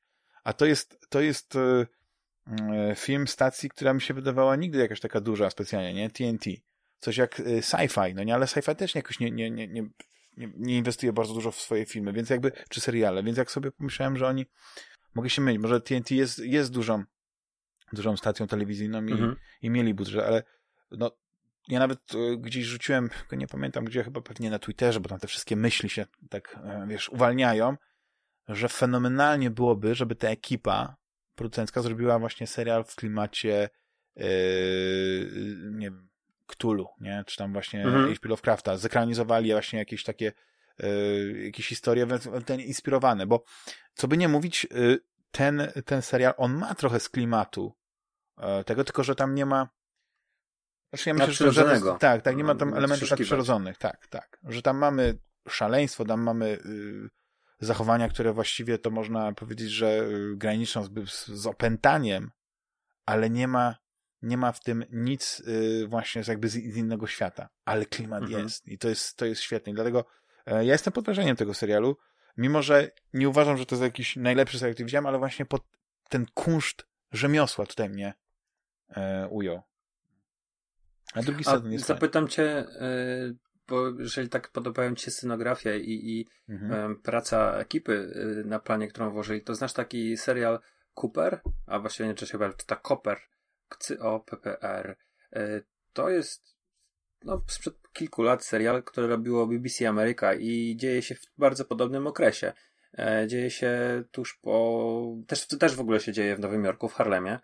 I dzieje się tuż po wojnie secesyjnej. Główny bohater właśnie e, jest, mm, jest, jest policjantem mhm. i, i no, tym tytułowym e, koperem, tak? Tak. E, i, I no, jest to taki też, jak to BBC, pieczołowicie przygotowane od strony wizualnej i, i od scenariuszowej historia kryminalna z takim mocnymi akcentami e, erotycznymi. Mm, znaczy może nie ma samej erotyki, ale jest, jest, jest ten, ten świat taki dosyć mocno mm, osadzony w, w różnego rodzaju przybytkach rozpusty. Mhm. E, całkiem fajna obsada tam jest, bo o ile dobrze kojarzę, to mm, tam się pojawiała Tessa Thompson i nie pamiętam kto grał głównego bohatera, ale y, też Donald Logue y, tam był, więc taka, taka całkiem przyjemna ekipa była zebrana aktorska. Y, Fajna rzecz. Nie znasz tego serialu. Nie, nie, znaczy teraz sobie dopuściłem parę zdjęć jakichś jastunów i, i wygląda to interesująco, ale mimo wszystko nadal... Nie jest ten poziom, nie? Nie ten ale... poziom co alienisty. Wiesz, bo na przykład y, rok temu, tak chyba będzie rok temu, albo w tamtym roku, bo nie wiem ile czasu upłynęło tak naprawdę, y, no był ten Carnival Row na Amazon Prime. I on, on miał też klimat, y, prawda, takiej, takiej wiktoriańskiej Anglii, właśnie tego, tego fin de siècle, tego, tej, tej końcówki XIX wieku, ale oczywiście z elementami e, fantazy takiego. I, I tam też to nie było tak dobrze zrobione jak tutaj. Mimo wszystko jednak e, serial mi się bardzo podobał. Ja w ogóle czekam na, na kolejny sezon i, i ja chyba w, po twoim głosie tutaj nie, nie słyszę entuzjazmu. Już kiedyś chyba o tym rozmawialiśmy, tak, że dla mnie to straszna pustka był ten serial, taka Um, znaczy, wiesz co, mi się, mi się podoba takie, taki, taki, e, taka mieszanka tego i fantazy i, i tego, tam, tam nie wiem, czy tam był steampunk, czy nie, już nie pamiętam dokładnie, ale tam było parę takich elementów, oczywiście też były oklepane, ale moim zdaniem były, były świetne, bo to jest coś, co na przykład my, Polacy, dostrzegamy od razu. E, w Kylie Monroe, zapomniałem jak się nazywał, jak się nazywał ten sąsiad tych, te, tego rodzeństwa? Ten... E, mm, wiem o kogo ci chodzi, Agreus nie, nie... E, Astraion, chyba tak się nazywał. E, no, nie? Pan Taki... z rogami. Tak, pan z rogami. Z, z, jak to się na, na nich chyba mówili? Puki, tak? I dla mnie to jest Wokulski z lalki, nie? No, ale tak daleko gościu... nie doszedłem. Nie? Dałem temu serialowi trzy odcinki na, na rozbieg o... i stwierdziłem, że jednak, jednak tylko, nie. Że to... Tylko przez mój wielki szacunek do ciebie e, no nie, nie, nie powiem co. Nie rozłączysz się? Czuję. Nie, nie. Ale uważam, że, że powinno dać. No, tylko, tylko widzisz, ja niko, nigdy nikogo nie zmuszam do tego, żeby oglądał na siłę. Nie? Ja rozumiem, że jak dałeś szansę i obejrzałeś jeszcze odcinki, no to naprawdę musiałeś się e, gdzieś w sobie tak ten, ale mi się wydaje, że on się tak rozwija. Zresztą tam są takie dosyć mętne motywy, no nie? Bo tam można się domyślić, było e, kim jest ten, ten główny bohater i mhm. tam jest parę takich rzeczy, które... Raczej prostu... zmęczyła mnie pseudopolityka tego serialu, to znaczy ta, ta wewnętrzna tego świata. Wiesz, że mm, to jest tak naprawdę alegoria tego, co się dzieje tutaj w naszym prawdziwym świecie i e, rasizm Oczywiście, tak. E, tutaj, który był powiedzmy w wiktoriańskiej Anglii, jest przeniesiony jeden do jednego, tylko że tam nie mamy wiem, Hindusów i czarnoskórych, a mamy mm. wróżki i mamy, e, no nie wiem, to nie to... były centaury, tylko tak jakieś takie. No tak, fauny, no takie, czy... tak, tak, tak. I, tak. I wiesz, mm, po prostu to była, to była rzecz, która mi, mi nie odrzuciła. Ale widzisz, znaczy, ale ostatnio... Nie, nie samo, tylko takie, tak, wiesz, tak. no było patologicznie, że można zrobić było wszystko w tym fantastycznym świecie. E... Ale, ale w dzisiejszych czasach, jeśli chcesz mieć jakiś komentarz taką... o pewnych rzeczach, to tylko i w ten wyłącznie sposób. Widzisz, bo na przykład e, kapitalny serial, i tylko, że cat fantasy, e, nie fantasy, tylko science fiction, Almost Human. Tam motyw właśnie e, tak, tego, tego się zaznaczyć przez androidów, no nie? Że widzisz, że androidy są, e, no nie są ludźmi, więc możesz ich traktować jako, jako przedmioty, jako coś gorszego e, gatunku. Albo na przykład, nie wiem, no, w, jak, masz na przykład w książkach science fiction klony, nie? W którym się mhm. odmawia osobowości, albo na przykład, no jest taka Robina Cooka książka, e, zapomniałem tytułu, o tym, jak e, ludzie gdzieś przez jakiś tam portal, przez nie, jakiś nieczynny podwodny wulkan, ja już nie pamiętam dokładnie jak to się było, dostają się właśnie w sumie do czegoś, co można nazwać Atlantydą. No i oczywiście to, to, to, to, to społeczeństwo tam jest tak rozwinięte, tak niesamowite i tak dalej, ale mają pomocników, którym są klony, no nie? I klony nie, robią wszystkie polecenia, które im zadajesz, ale nie mogą mówić. Ale to mhm. naprawdę to są ludzie, tylko rzeczywiście sklonowani. No wiesz, no to, to już chodzi, dochodzi o takie elementy etyczne, ale zawsze jest tak, że że ten substytut niewolnika gdzieś tam w tych, tej literaturze jest. Zawsze gdzieś go, go znajdziesz. Tylko, że problem jest taki, że w dzisiejszych czasach naprawdę y, musisz bardzo uważać z językiem. No bo ja dzisiaj czytałem artykuł, ktoś gdzieś podrzucił, już nie pamiętam, e, gdzie na jednej, na jednej z grup facebookowych, że e, Ubisoft przeprosił za to, że w jakimś tam stopniu bardzo e,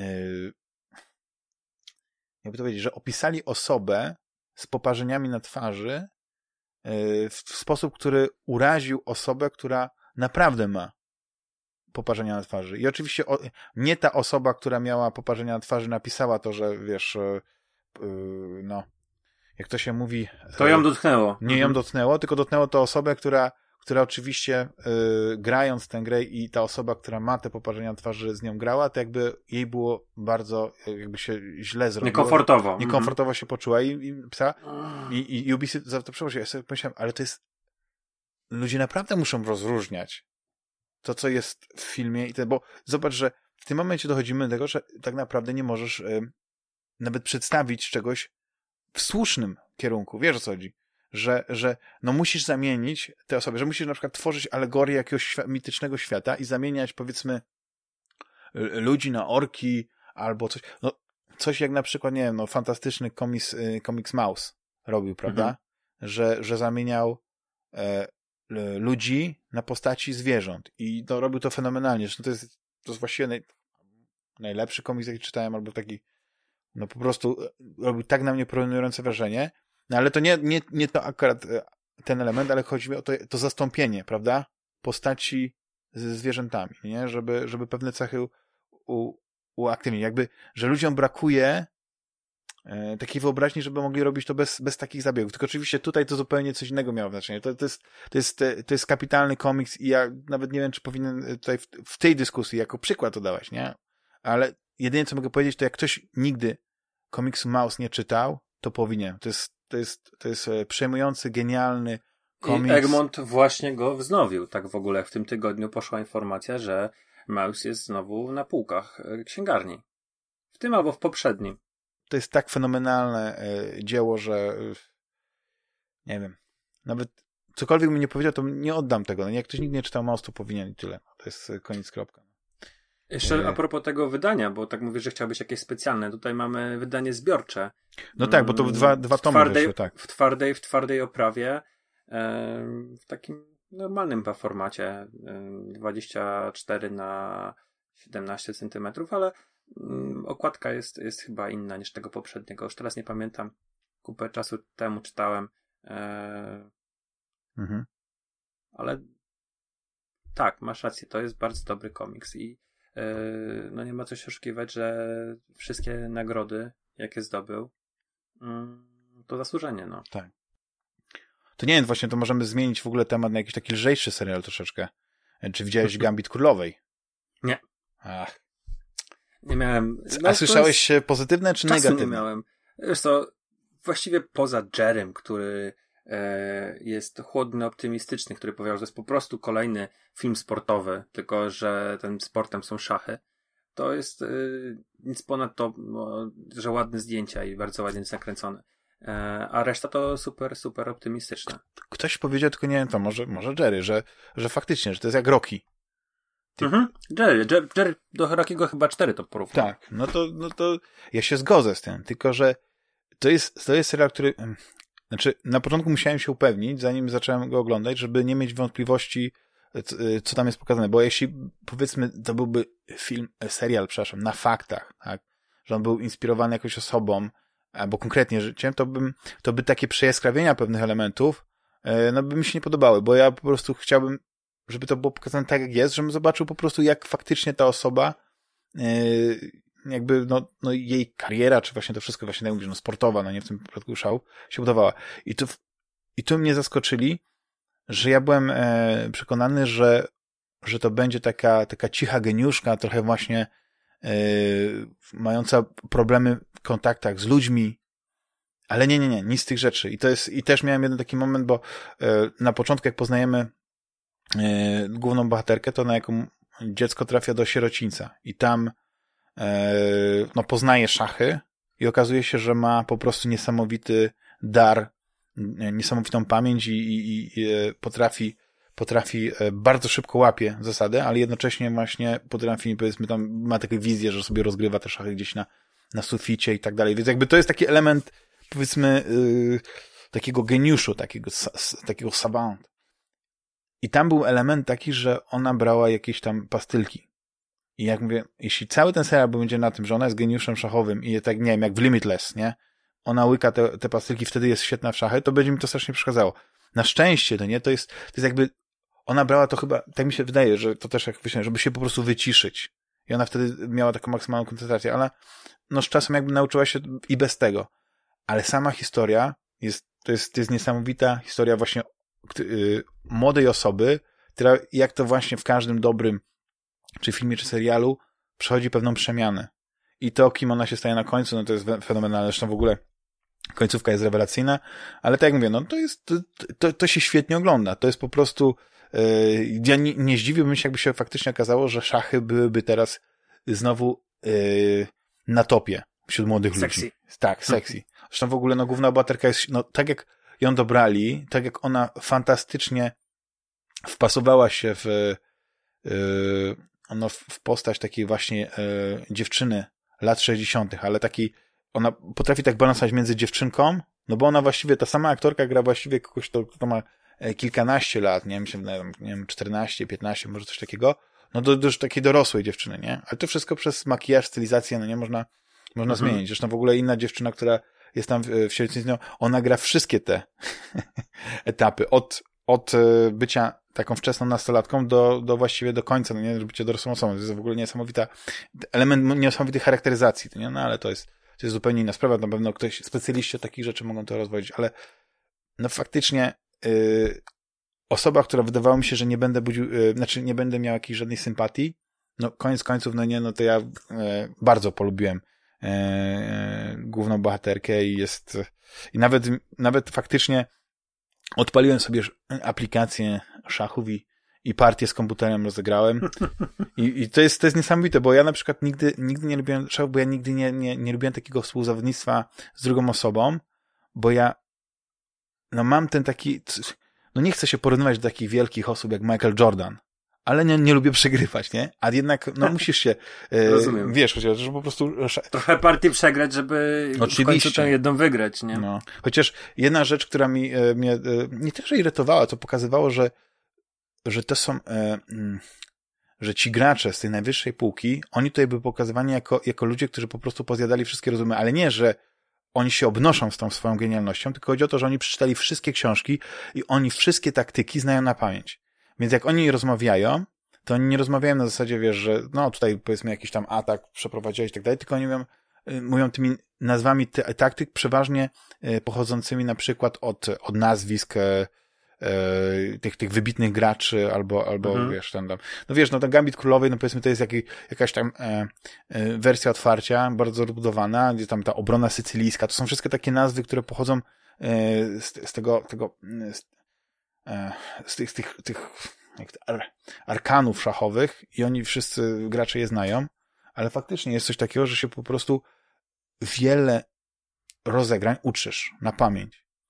I y, brakowało mi tutaj takiej świeżości, chociaż tutaj to też mogło tak być, nie? Że, że jednak y, no po prostu w, m, chociaż wiem, że y, jakieś, jakieś tam strony internetowe, jacyś szachiści analizowali te gry, dlatego że te gry są przedstawione w pełni właściwie mhm. i możesz prześledzić każdy ruch i, i, i zobaczyć, no nie, czy to jest faktycznie taka niesamowicie rozegrana partia, czy to jest coś, coś co powiedzmy ma tylko robić wrażenie na widzu. Ale widz praktycznie jak nie zna się na szachach, to on tylko widzi, jak oni po prostu nagle szybko przestawiają e, e, pionki, no nie, tam e, figury na, na, na No na i jak to jest, powiedz mi, to są prawdziwe, bardzo Nie, no takie... są prawdziwe, na pewno. A, super, ale takie, takie rzeczywiście ciężkie partie, czy, czy raczej tylko takie... Są, znaczy ja czytałem jeden artykuł... Z zachowaniem reguł. Ja czytałem jeden artykuł, którym, którym wypowiadała się właśnie jedna znana polska szachistka, którego nazwiska niestety nie, nie pomnę, przepraszam bardzo. I ona właśnie bardziej powiedziała, że no oczywiście to jest e, no, serial świetny, ale on nie do końca pokazuje yy, no, prawdziwy obraz tego, jak też, bo ona mówiła, że na przykład partie szachowe nie trwają kilka minut, ale to nie do końca tak było, bo, bo ja byłem przekonany, że faktycznie oni będą te, te partie szybko rozgrywać, ale oprócz kilku takich momentów, gdzie oni jest taki, taki, taka zabawa, no nie? Gdzie oni się, wiesz, robią sobie takie błyskawiczne szachy, gdzie masz po prostu tylko kilka sekund na ruch i wtedy pa, pa, pa, pa, pa, pa, pa, pa, to jednak tam są te partie, które trwają na przykład e, wiele godzin i na przykład muszą być dokończone następnego dnia. Wiesz? I masz mhm. ten proces taki, gdzie, gdzie widzisz, że mówisz, że okej, okay, na dzisiaj przerwa i, i ty ruch, który masz wykonać, nie, nie robisz go na, na, na szownicy, tylko zapisujesz go na kartce i jakby to jest, to jest taka pauza i on jest e, później e, następnego dnia odtwarzany i jest, jest dalej. I tam, tam w ogóle jest, e, wiesz, cały, to, jest tak, tak na wielu poziomach bardzo ciekawy serial, mimo że on y, ma ten prosty, tak jakby można powiedzieć, sportowy schemat. Tam też jest faktycznie ta, ta walka, tak stąd pewnie Jerry nawiązywał właśnie do Rockiego 4, nie? Bo tam e, nasz ju, jubilat czy solenizant? Dolph Lundgren, który listopada 3, 63 lata skończył. Wszystkiego najlepszego Dolfie. E, Spóźnione spóźnione, ale no nie mieliśmy z Rafałem okazji po prostu się spotkać, żeby, y, żeby tutaj poświętować, ale może po, po nagraniu jeszcze od, od, od, e, otworzymy szampana. Tam jest oczywiście ten, e, ten, ten, ten e, rosyjski, rosyjski mistrz szachowy, mistrz z, z kraju, gdzie po prostu szachy są grom narodową, nie? Więc, więc jest jakby tutaj takie podwójne, nie? Wiesz, wygranie właśnie z tym to... Ja muszę sobie tutaj zobaczyć, bo tego, tego szachistę gra nasz e, drogi e, e, Dorociński tak, Marcin. Tak, Dorociński Marcin. I no to jest ciekawe, że akurat wybrali jego do, do grania mm, e, tego e, Rosjanina. Ale on tam jakby dużo nie ma sceny, nie? On tam jest po prostu pokazany jako taka e, taka figura, taki chłodny, kalkulujący umysł, gdzie, gdzie, gdzie właściwie no, on jest tym elementem tego e, tej, tej, tej, tej, tej, tej, tej sowieckiej e, no tego, co Maszyny. powiedzmy karmili się tak, karmiło się właśnie e, Amerykanów ten zasadzie, że tak wygląda właśnie ten świat za, za żelazną kurtyną. Jednocześnie, no, no jednak e, te szachy tam w Rosji, no to jest, to jest sport tak popularny, że kiedy odbywały się te, te, te mistrzostwa właśnie w Moskwie, to nie tylko ludzie na sali byli, którzy oglądali te, te, te rozgrywki, te potyczki, ale też właśnie tłum ludzi na ulicy przed tym budynkiem, wyczekiwał, aż, aż jakiś chłopak wybiegnie i krzyknie na głos, że wiesz, tam, nie wiem, ruch tego pionka, no nie, na to pole i tak dalej. Tam sobie ludzie zapisywali. Po prostu, wiesz, tak to siedzi. To jest, to, to, to, to fenomenalny klimat, no nie? Tam tej, tej, tej, tej, tej, tej zimnej wojny, ale tak zrobiony bez, bez całego takiego bagażu politycznego, bo tam je, było parę elementów, które pokazywały, że okej, okay, główna bohaterka potrzebowała dużo pieniędzy, żeby właśnie polecieć do Moskwy, bo to nie było taki hop nie?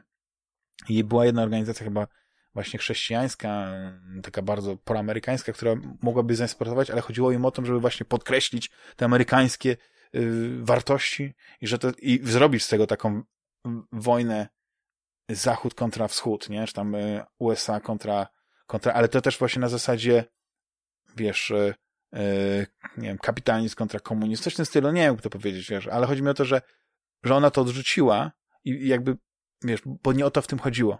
Tutaj chodziło o to, żeby ona, no nie, wiesz, wygrała, nie? Bo to też jest osoba, mhm. która, która nie znosi przegrywać, chociaż to nie jest też osoba, która nie potrafi przegrywać, że, że tam taki, był taki moment, że w końcu jak zaczęła przegrywać, trafiła na takiego godnego siebie rywala, to, to, to poczuła wręcz coś w rodzaju takiego uniesienia. No to jest, to jest kapitalny serial. To jest, to jest serial, który oczywiście, tak mówię, no jest dosyć prosty formuła, ale, ale też e, podobnie jak yy, Alienista oddawał te lata, yy, powiedzmy, 90., XIX wieku, tak tutaj mamy faktycznie te lata 60. też świetnie e, spoczywane. I jeśli chodzi o modę, o, o, o stylizację, no naprawdę.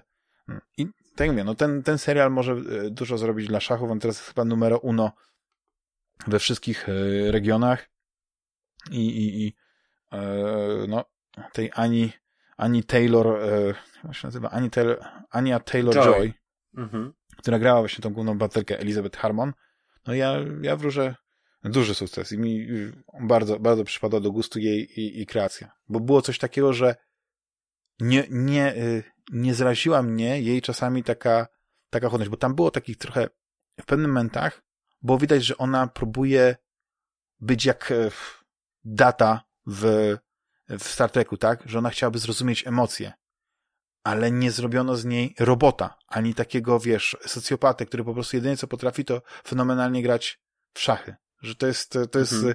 po prostu bardzo inteligentna osoba i właśnie też e, geniusz szachowy. No. Więc tym długim e, wywodem jeszcze raz podkreślę, że warto po prostu Gambit Królowy obejrzeć i jak będziesz miał tylko okazję, to, to, no, to obejrzyj. Nie, no, z pewnością mogę obejrzeć, wiesz, yy, no to, to jest to jest rzecz, która no jest jednak w jakiś tam sposób jestem ciekawym. Może nawet z samego faktu, że to są te szachy, a do tej pory mm, zazwyczaj e, szachy były jakimś tam elementem e, sceny, a nie osią fabuły. E, mhm. Także to mnie już samo ciekawi. Mm, tylko, że no, kiepsko mnie z czasem, bo wiesz, ja mam ten swój podzielony. To jest tylko 8 e, odcinków. Dzień. Ja wiem, ja wiem, ale ja mam podzielony dzień i ja mam akurat teraz naprawdę bardzo, bardzo silne ssanie na filmy. E, I staram się obejrzeć przynajmniej pół filmu dziennie, trochę pograć, trochę poczytać, no i przede wszystkim się wyspać jeszcze, ale... E, no ja ostatnio też tak właśnie myślę o tym, jak sobie podzielić priorytety i yy, pomyślałem sobie tak, że okej, okay, miałem jedną grę, którą chciałem przejść i jakby sobie odłożyć ją, yy, znaczy i po przejściu przejść i jakby skupić się tylko na jednym. I jak ja wtedy mówię, ja teraz muszę przeczytać wszystkie te zaległe komiksy, które mi się nazbierały, które, które podkładają mi dopiero później będę miał właśnie tak, że a, a od tego momentu tylko oglądam bollywoodzkie kryminały. I później znowu będę mógł wrócić, nie wiem, do książek albo do filmu, bo po prostu miałem taki bardzo intensywny, yy, no parę tygodni. No nie wiem, to... No widzisz, no właśnie mam tak samo. Mam tutaj kubkę filmów na DVD pożyczonych i już nawet to nie to, że tam muszę je oddać, ale yy, no mam to stanie, mam ochotę, mam, mhm. no to, to, to, to kino włoskie mnie zafascynowało e, i kilka tych filmów obejrzałem. Mm. Co obejrzałeś takiego ostatnio e, interesującego? Znaczy wiesz co, yy, tak jak rozmawialiśmy poprzednio. A, to horrory, tak? Tak, no oczywiście. Yy, Myślałem, że powiesz Dolce Vita, po raz kolejny obejrzałem po prostu. Nie. Uwielbiam po prostu Fellini. Mm, ja mam olbrzymie zaległości, jeżeli chodzi o klasykę, taką, taką europejską. E, z włoskich filmów, no to e, Życie jest piękne, tak? I tak. Mm, Złodziej rowerów. To są takie dwa klasyczne filmy, które widziałem.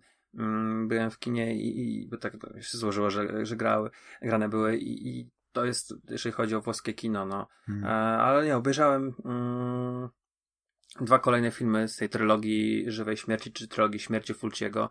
Dom przy cmentarzu i Boże, e, jak się nazywał ten o, o, pierwszy? Jak chcesz, to już y, Miasto Żywej włosko, Śmierci chyba, Włoski tak? tytuł, tak, po włosku. ale przede wszystkim, wiesz co... La vita mortadella. Nie. E, przymierzam się też do, do filmów Dario Argento. Tutaj e, patrzy na mnie Właśnie to jest w ogóle jakimś, jesteście strasznie wielkimi fanami Dario Argento. Nie znaczy, czy to kwestia jest... tego, że Dario Argento był w Polsce, bo słuchałem właśnie tego przekastu e, halloweenowego e, i, i chyba Dario Argento, nazwisko e, Dario Argento padło chyba 29 razy. O, nie przesadzaj.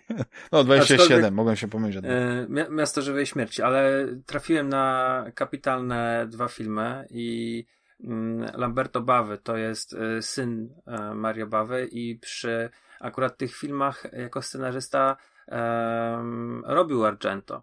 To są te demon, Demony i Demony 2 to są dwa filmy, którzy miłośnicy martwicy mózgu muszą koniecznie obejrzeć, bo to są filmy tego typu, to są um, bardzo mocno e, świadome swoich ograniczeń, ale też e, mające bardzo dużą wartość artystyczną, po prostu pierdolniki musisz to wypikać, ale to jest, to jest po prostu piękne. Nie, ty dokładnie to powiedziałeś, że nie miałbym e, nawet serca. E, że te, wiesz, demony, mm, to tam rzeczywiście jest, zaczyna się to w pierwsza część jest w kinie, mm, ludzie przychodzą na seans, jakiś tajemniczy film jest puszczony i właśnie okazuje się, że ten film w jakiś tam sposób jest bramą, portalem e, no właściwie może nie do końca, ale jest tam jakaś taka maska i, i um, kobieta zmienia się w demona, jak ugryzie kogoś, drapnie, to ta osoba się zmienia w demona, więc mamy pełne kino ludzi walczących z demonami. Drugi, drugi, mm, druga część to jest, tak jakby powiedzieć, no, no, szklana pułapka z demonami, no, bo jest wieżowiec, który jest odcięty, jest to nowoczesny budynek, e, gdzie jest tam oczywiście jakiś klub fitness, mm, ludzie sobie siedzą, jest jakaś impreza i też mm, kobieta zostaje opętana przez demona oglądając telewizję. No jest, jest rewelacja, to jest to po prostu tak, tak fantastyczna zabawa i tak piękny gore i Micha się sama cieszy, bo mhm. oczywiście to, to, to, to, trzeba mieć świadomość, to jest kino takie jak Martwica Mózgu, ale naprawdę można się przy tym wyśmienicie bawić, bo no to po prostu tak, tak aż, aż odświeżające to jest, że wiesz, z tym całym skostniałym mm, biznesie i takie bezpieczeństwo jest y, kalkulowane, to jeszcze gdzieś tam byli ci twórcy, którzy nie, nie kręcili, wiesz, sequeli właśnie 10, 5, 13 czy 6 y, Koszmaru z ulicy Wiązów, czy mm, czy wiesz, jakichś takich bezpiecznych tematów, poważnych, y, y, nastrojowych filmów, tylko nie zrobili, wiesz, rockowe kawałki, heavy metal, taka podruba włoska, ACDC i facet jeżdżący po kinie na krosie z kataną i to, to, są, to są filmy, z, oczywiście, żeby to była jasność, to są filmy z lat 80., 85, 86 rok. Ja jestem demony, to jestem równolatkiem, a, ale no, naprawdę fajna rzecz i e, tak dlatego też nie obejrzałem Gambitu Królowej, bo oglądałem demony. Nie, między rozumiem. innymi. No ale wiesz, ja, ja, czasami też mam tak, że mam do wyboru coś nowego, a, a sięgnam po, po klasyk i yy, jakoś też yy, mignęło mi, że na Netflixie pojawił się Lord of Illusions. I ja jedno z moich DVD, które darzę właśnie dużym takim yy, rozrzewnieniem, to jest właśnie, znaczy to jest w ogóle film, który mi było ciężko gdzieś znaleźć, nie? Na, właśnie na DVD, gdzieś musiałem go zamawiać, nie? i tak dalej wersja reżyserska, właśnie e, Lords of, the e, Lords of Illusion i patrzę, na Netflixie jest. I odpaliłem i to jest kapitalny film. Wiesz, ja e, rozmawialiśmy trochę, nie będę tutaj specjalnie jakiegoś czasu zabierał antenowego no, opis tego, tego, tego filmu, ale ja bardzo lubię Clive'a Barkera, ale ja go znam, powiedzmy, bardziej tak przez to, że on dodawał coś do takiego klimatu. Oczywiście, no, on jest chyba e, ojcem e, Hell, Hellraisera. Dokładnie. Tak. Mhm. Jest, jest oczywiście mm, jego nazwisko e, jest e, w tytule gry Undying, Clive, Baker, Clive Barker's e, Undying, jest Clive Barker's Jericho i to może nie są jakieś fantastyczne gry, szczególnie Jericho, ale Undying dla mnie to była taka kwintesencja growego horroru, gdzie ja to zawsze powtarzam, jak ktoś pewnie słucha długo Fantasmagierii, to pewnie już nieraz słyszał, że ja nie mogłem w tę grę grać dłużej niż pół godziny naraz, kiedy grałem właśnie sam gdzieś tam po północy, bo mi pikawa po prostu tak. Ja po prostu nie mogłem wytrzymać. Wiesz, takie napięcie było mhm. niesamowite, bo tam były pewne takie zabiegi, które no dzisiaj jakby już jestem na nie przygotowany i w grach mnie nie straszy. Wiesz, jumpscary mnie nie straszą, nie straszą mnie takie rzeczy, ale było fenomenalne, że miałeś taki ten, ten kryształ mocy, już nie pamiętam jak się to nazywało, miałeś te wizje astralne, że mogłeś zobaczyć taką prawdziwą prawdziwy obraz rzeczy. Mhm. I widziałeś te obrazy rodzinne tej posiadłości, używałeś tej mocy i nagle widziałeś takie demony na tych obrazach. Wiesz, że te twarze zmieniały się w takie upiorne i uff, to były takie niesamowite rzeczy i to tak nie klimat. I dlatego ja bardzo go y, jako, jako też pisarza y, ceniłem, tylko tak mówię, no nie czytałem. On jest też pewnie płodnym pisarzem, ale nie, i pewnie na palcach jednej ręki bym wymienił książki, y, które przeczytałem jego autorstwa. No on jest też ale... ojcem Candymana, tak tutaj warto też no. powiedzieć, może ktoś nie wie. Kolekcji, które ci zazdroszczę. I co ciekawe, znowu wraca temat książek, bo Mag zapowiedział wznowienie po wielu, wielu latach. Tam, tam mieliśmy wydanie, e, o ile dobrze kojarzę, Phantom Pressa, e, Księgi Krwi. To były no. takie zbiorki opowiadań, które Też... E, w całkiem sporej ilości były zekranizowane. Mhm. Mm, I między innymi właśnie doczekamy się po wielu, wielu latach w przyszłym roku, tym nowym, lepszym 2021, e, tych wyczekiwanych i obiecanych tak. przez przez lata obiecują, że to będzie i w końcu będzie. No to mm, trzymam kciuki, dlatego że ja bardzo jest... lubię wydawnictwo Mac, bo oni oni świetnie wydają książki. Także y, aż miło jest postawić na pokój. No, ich wydania The Expanse, szczególnie właśnie z okładkami Dark Crayona, to są dzieła sztuki. Ja pokazywałem właśnie znajomemu, y, mówię, zobacz, tak wygląda amerykańska okładka The Expanse. Ona ma swój klimat, ale zobacz, okładkę polskiego wydania. I to jest, no. no ale wracając właśnie tylko, powiem, jak ktoś nigdy nie widział Władcy Iluzji, to, to, to musi. Clive Barker reżyseria, Clive Barker scenariusz na podstawie własnego opowiadania. Ulubiony mój aktor, e, aktor lat 90., Scott Bakula, bo no, oczywiście znasz Scotta Bakula z, z, tak. z najlepszego serialu science fiction, też tamtego okresu, Quantum Leap, e, czyli, jaki jak był polski tytuł Quantum Leap? Zagubiony w czasie. Hmm. No, to jest, uwielbiam go się, no i, czy jest, i fenomenalna, zjawiskowa yy,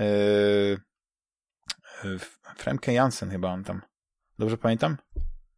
O Jezus, ja, ja, ja to zawsze nigdy nie pamiętam tego nazwiska. Widzisz, ja mam, ja mam, ja mam fatalną Famka, pamięć. Jeżeli to mówisz, że tam Famka Jansen jest, to Famka Jansen na pewno. Tak. tak. E... Ja mam straszną pamięć. Później, e, późniejsza dziewczyna, znaczy nie, właściwie nie dziewczyna Bonda, no ale e, albo równolegle te filmy powstawały, bo to Lord of the Illusions to jest e, Kurczę, to też jest jakoś 95. 95, prawda? tak. A GoldenEye jest 97 czy 95? 95. No, no to proszę. Ale w ogóle Lord of Illusion to tak, tak jakby czujesz, jakby ten w ogóle był... Znaczy ja go oglądając, ja bardziej miałem wrażenie, że to jest, że to jest nawet wcześniej niż 95. Że mi było tak trudno uwierzyć, że ten film jest tak jak w połowie lat 90. I to tak... No, znaczy, on nie jest troszeczkę inaczej zrobiony, ale yy, wiesz, no, klasyk yy, takiego, też takiego yy, noir y, z y, hor elementami horroru, nie? To jest Harry Angel, nie? I on jest z 87 mhm. roku. Y, no, fantastyczna rola, jaka tam De Niro i, i Mickey Rourke. W ogóle też kapitan. Jak ktoś nie widział właśnie Harry Angela, fuh, uczta, uczta. Jeszcze czekaj. Władca, Władca Iluzji jest troszeczkę Yy, lżejszym filmem pod względem właśnie jakościowym, ale jeśli ktoś lubi właśnie takie kryminały, trochę noir, właśnie z elementami yy, paranormalnymi, nie wiem, czy to powiedzieć, supernaturalnymi, tak, tak się ładnie mówi? To, no, jakieś to, tam to takie trzeba. fantastyczne. Tak, mhm. tak, tak. I naprawdę więcej już nic nie mówię, bo, bo zabrałem dużo czasu na, na tego władcą. Yy, to co? To ja się tak zastanawiam, bo ja myślałem o tym, żeby powiedzieć jeszcze co, jakąś książkę przeczytałem, jak, jaki, jaki komiks przeczytałem, ale myślę, że zostawimy to i najwyżej jak będziemy chcieli, to potem porozmawiamy później. Teraz yy, na pewno w głowie ci się kołacze pytanie, czy będziemy rozmawiać o grach? tak. I to jest ten moment, to jest ten moment. I też właśnie będziemy rozmawiać o grach. Przynajmniej od, o, zacznę od jednej gry, yy, właśnie w klimatach takich, yy, no, horrorowatych. I moje pierwsze pytanie jest, czy miałeś okazję zagrać właśnie w, w The Dark Pictures Anthology, i, czyli i pierwszą część z tej antologii, Man of Medan, czyli Medan. Trochę, trochę mi się udało pograć, trochę mi się udało pograć. Mhm. E, tak rzutem na taśmę e, sprawdziłem, bo powiedziałeś mi, co to za gra jest i, i, i ja ją jakoś totalnie pominąłem. To znaczy gdzieś tam mignęła mi, ale mm... to, jest go, to jest gra w ogóle studia, które no, zrobiło wiele, wiele gier ale tak, żeby najłatwiej właśnie określić, czym jest Dark Pictures Anthology, to jeśli ktoś grał w Until Dawn, to to jest to, to jest takie Until Dawn, tylko troszeczkę uproszczone w formie takiej właśnie antologii, że każda ta historia, a do tej pory wyszły dwie, właśnie ten Man of Medan i Little Hope, to są właśnie takie zwarte y, w sobie historie, yy, gdzie no, no nie wiem, takie, to takie zróbmy tak, zróbmy tak, że, że, tak? że no, no niestety no, w jakimś tam stopniu delikatne spoilery y, będą, więc tutaj y, A ty już tę grę skończyłeś, Ja tak? skończyłem, ale nie jest bardzo, bardzo długi. I, I czujesz, że walory produkcyjne faktycznie y, no, sprawiają, że no, gdyby oni wydali całą antologię jako jedna wielka gra, to wtedy można powiedzieć, że okej, okay, to jest bardzo duży produkt. E, ja, ja miałem wrażenie, że y, że ona się nie umywa na przykład do Until Dawn. Jeśli na przykład Until Dawn bym postawił gdzieś, to powiedzmy, no nie, dał jakiś, nie 8 na 10, nie, bo mi się ta gra naprawdę podobała, to tutaj to taka szósteczka, piąteczka byłaby. No tutaj przede wszystkim jest różnica, bo Until Dawn to było jednak robione na silniku Decima, e, który, który mieli urzeczone od e, Guerrilla Games. Mhm. I też robili to pod, e, no jakby nie patrzeć, wydawcą, którym był Sony. No to były, tutaj sobie postanowili to wydać y, na wszystkie platformy, nie chcieli być yy, ograniczeni do tylko jednej platformy, co, co było też sobie ciekawe, bo Supermassive chyba do tej pory było stricte związane zawsze z PlayStation, prawda? No tak, nie, nie, zdecydowanie. Oni tam oczywiście wydali yy, jedną grę, która prawdopodobnie była jakimś tam y, wybrykiem, Doctor Who, mhm. the, the Eternity Clock, i to była, mhm. to była gra, prawda, na licencji, zrobiona pewnie dla BBC, nie wiem, 8 lat temu. Ale tak to wszystkie, wszyściuteńkie gry do właśnie wydania The Dark Pictures Anthology były, były na, na PlayStation, no tam i, PlayStation i VR czasami. Widać, że ten, to jest, nie wiem, czy to jest Unreal Engine, to jednak yy, i ta animacji postaci, i to takie tankowate poruszanie się, bo tak nie było w Until Dawn. Ja doskonale mhm, pamiętam, tak. że to się tam lepiej sterowało. Natomiast jedna rzecz została. Tak. Bo yy, znaczy jedna rzecz z tych takich y, negatywnych, że nie poprawili jej e, po Until Dawn, to są te potworne uśmiechy, które wywołują ciary na plecach. Nie wiem, czy zauważyłeś, ale wszystkie postacie... Mimika twarzy jest straszna, tak. W Men of e, Medan, ale chodzi generalnie o zęby. To są po prostu Aha. tak straszne zęby, że ja mówię, ja mam jakieś PTSD Jesteś jakimś zębofobem. Bo, nie, nie, po Until Dawn, jak tam były właśnie te, bo to przede wszystkim Until Dawn miało znanych aktorów yy, i yy, ta, cała, ta cała obsada to może być, przepraszam, Rami Malek, yy, ta dziewczyna z Heroes, e, co, mhm. co ma bardzo trudne nazwisko, Brett Dalton, no, no Peter Stormare, tak? To były znane twarze i, i, i one otwierały usta i widziałeś te zęby, a one się uśmiechały. Te, te uśmiechy to było koszmarne. I tutaj to samo jest. E, Dark, Dark Pictures e, ma identyczne, wiesz, nawet te twarze są całkiem ok, dopóki w pewnym momencie się nie, nie otworzą ust i jest strasznie. Nie, nie, też, e, też na to zwróciłem uwagę, chociaż nie na same zęby, tylko na, na, na pewną taką taką problematyczność mimiki, że, że pewne rzeczy były, bo wiesz, wszystko i tak, tam, tam Bo, bo sama gra, tak, że tam podejmujesz pewne decyzje, podejmujesz e, tak, no. decyzje na przykład podczas rozmowy i możesz zareagować w ten sposób, w ten sposób, więc jakby jest reakcja drugiej, e, drugiej strony, na przykład tam jakiegoś tam, e, jakiejś postaci, ale, ale nie, czasami masz takie ostre cięcia i widzisz, ta gra ma jedną rzecz, której na przykład nie miało Until Dawn. To to jest gra wieloosobowa. Nie wiem, czy, czy miałeś okazję spróbować to, mm. na przykład tam tryb kanapowy. I, znaczy, no tak mówię, pewnie, pewnie nie miałeś. Ja, ja, też, ja też tego tak za bardzo nie spróbowałem, ale, no. ale chodzi o to, że y, gra jest jakby... Ale Until Dawn też miało tryb kanapkowy. To tak, nie tylko, miało. że tutaj, tutaj generalnie masz taki tryb, że możesz grać i ja bym chciał to zobaczyć, bo jak my byśmy grali razem, ty byś sterował pewnymi postaciami, tak, my nie zawsze jesteśmy w tym samym momencie, znaczy w tym, w tym samym pomieszczeniu, bo tam jest, pewne rzeczy się dzieją równo, równolegle i Aha. E, I po prostu my byśmy grali i wiesz, i moglibyśmy się spotkać, nie? Prawda? Gdzieś walcząc z tym, bo no to jest właśnie ta, ten element spoilerowy, o którym muszę powiedzieć, że gra zaczyna się od tego, że widzimy e, coś, co się dzieje e, podczas chyba II wojny światowej. 47 tak? rok. 40, tak?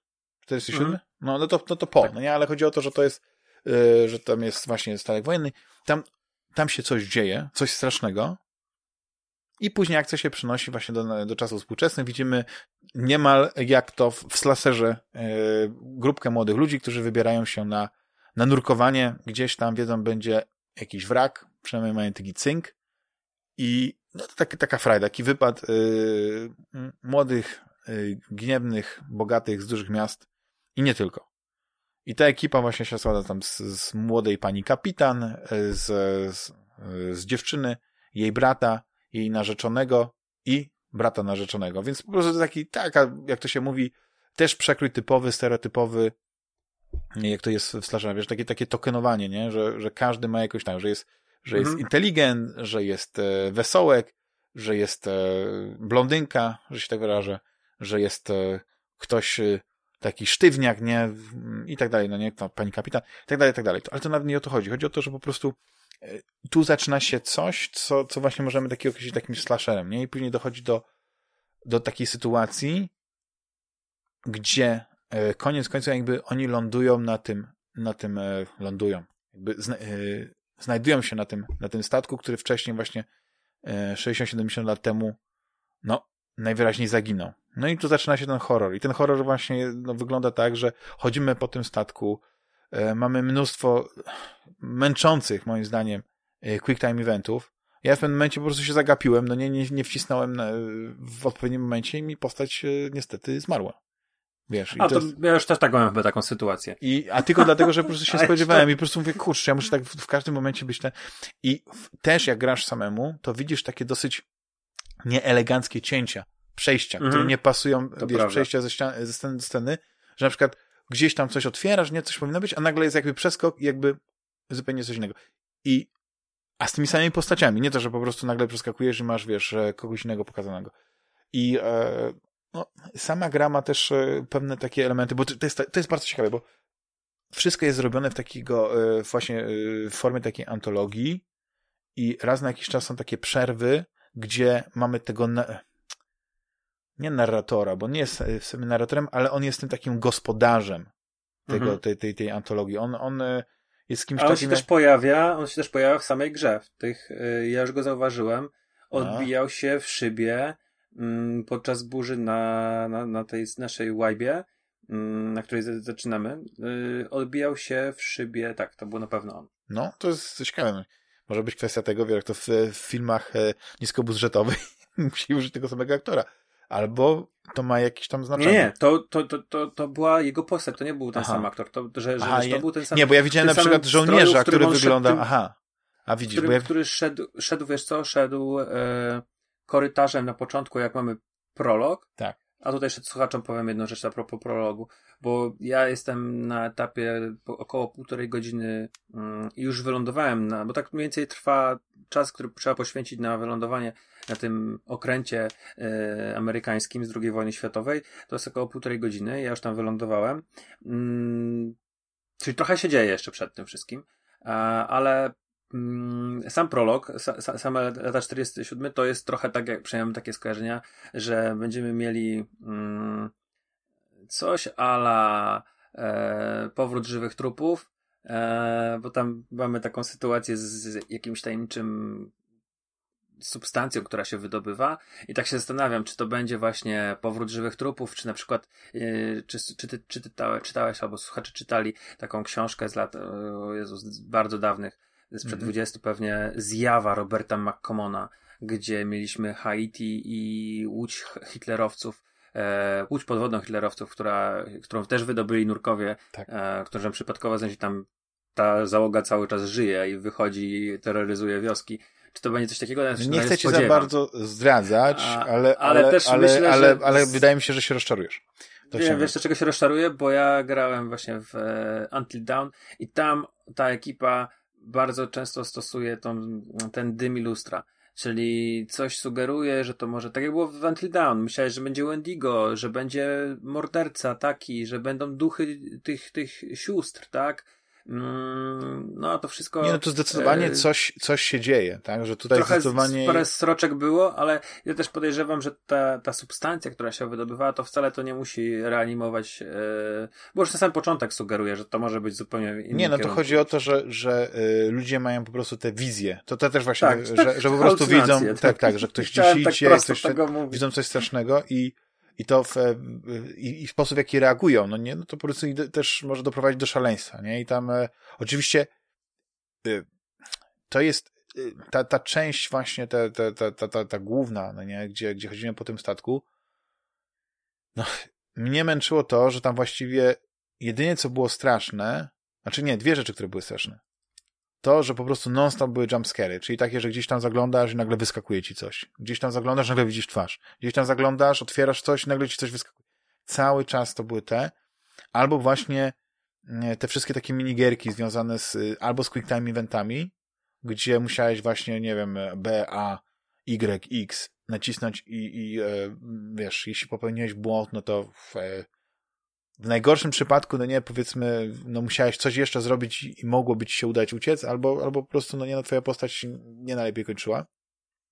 No i też takie minigierki, gdzie bawiłeś się taką grę rytmiczną, że musisz jakby uspokoić mhm. yy, siebie, tak? I po prostu masz taki, yy, coś w rodzaju takiego Trafić. EKG, musisz tak. tak, w odpowiednim momencie nacisnąć przyciski i no no to jedna, jest stresujące, że żeby Jedna rzecz zobaczyłem, która wydawała mi się straszna. E, to był taki moment, że mogłeś sobie chwilę pozwiedzać mm, i wszedłem do toalet mhm. i tam przechodząc między kabinami e, coś w tej, w tej jednej kabinie było. Oczywiście jak już to, to był taki moment, gdzie rzeczywiście zareagowałem.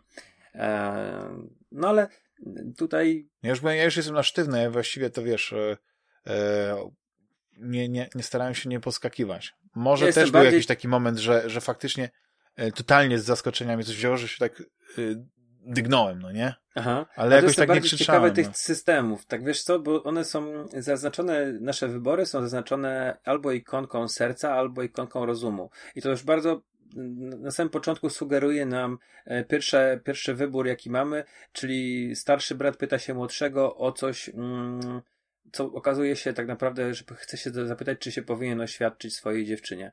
I, i mamy e, postać, którą w tym momencie sterujemy, mówi: Słuchaj, przemyśl to, albo kieruj się.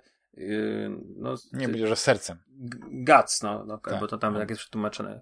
Follow your guts. E, i, I jestem wiesz, właśnie ciekawy, czy. Wiesz co, mm, nie wiem właśnie. Niektóre moje wybory serca e, nie są przypadkiem, czy jakaś tam, no nie wiem, odruch, który był powodowany strachem czy jakąś empatią, um, będą jakoś e, bardziej premiowane w negatywny sposób. Na przykład wiesz, że, że zabrałem nóż i przypadkowo kogoś tym nożem zabiję, czy raczej mm, mhm. kierując się taką chłodną kalkulacją i, i rozumem, to się zapędzę, wiesz, w jakiś taki kozi ruch. Ja zauważyłem jedną rzecz, że czasami jest coś, że jeśli yy, yy, gdzieś tam zbyt długo właśnie spędzisz czas na takich pierdółkach, rozmowach, to czegoś innego nie zrobisz. Na przykład czegoś mhm. nie podniesiesz, czegoś tam, więc y, czasami nawet e, jakby nie wiem. Bo są bracie... czasowe rzeczy, tam tak, są czasówki. Tak, że po prostu podejdziesz gdzieś tam, mamy... tak, coś zrobisz i wtedy okej, okay, nie zdążyłem jeszcze obejrzeć czegoś innego, bo już się odpaliła kolejna animacja, nie? że coś tam tam. Ja się zastanawiałem właśnie, czy to jest kwestia tego, że yy, przekroczyłem na przykład, wiesz, jak to jest taką niewidzialną barierę w grze, czy na przykład, że ruszyłem jakiś przedmiot i to odpalało, czy właśnie teraz jak mi powiedziałeś, że to są czasowe, to tak, to jest bardzo mm, widoczne. Ale, mm... Ale wiem o co się chodzi. Chodzi mi, bo ja szczerze mówiąc, to oprócz tego, że te relacje no nie, między tymi postaciami, yy, no, przynajmniej ja próbowałem, wiesz, bardzo łagodnie prowadzić. Zawsze byłem taki ugodowy. Nie starałem się być opryskliwy w tych odpowiedziach i tak dalej. Albo oskarżycielski, bo tam już na początku jest, że wiesz, że okazuje się, że to powiedzmy tak, pani kapitan może mieć lewe papiery.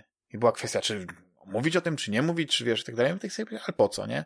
Jakby nie, nie, o kurczę, ale wiesz co, to jestem, jestem w szoku, że, że to, ten, bo ja nie miałem tej, tego wątku. Bo może, może nie, będę... bo wiesz co, bo, a byłeś na tym, na, na, na tej łódce i zaglądałeś w różnych szufladach i bawiłeś się tak? Tak. Widziałem jej, jej ten, jej... No nie, to chodzi o to, że jak oglądasz właśnie ten, to, to on mówi, że ona nie, jakoś tak śmiesznie, coś tam wygląda tak nie, nie, nie do końca, nie? Tam gdzieś tam, e, widzisz, to jest być może... Ale to się już później nigdzie nie pojawiło u mnie. Nie, bo to nie ma znaczenia tak naprawdę, wiesz, bo ja Ale już te relacje się psują, nie? A i też mi się wydaje, że nasze wybory, bo tam zauważyłeś, że masz takie, jak otwiera się menu mm, tych naszych wyborów i tych różnych cech, które mamy, to potrafią się y, zmieniać y, te cechy główne, które tam się pojawiają. Na przykład, y, jeżeli jesteś cały czas poważny, to ta cecha zabawny znika. With znika. Ale to jest, widzisz.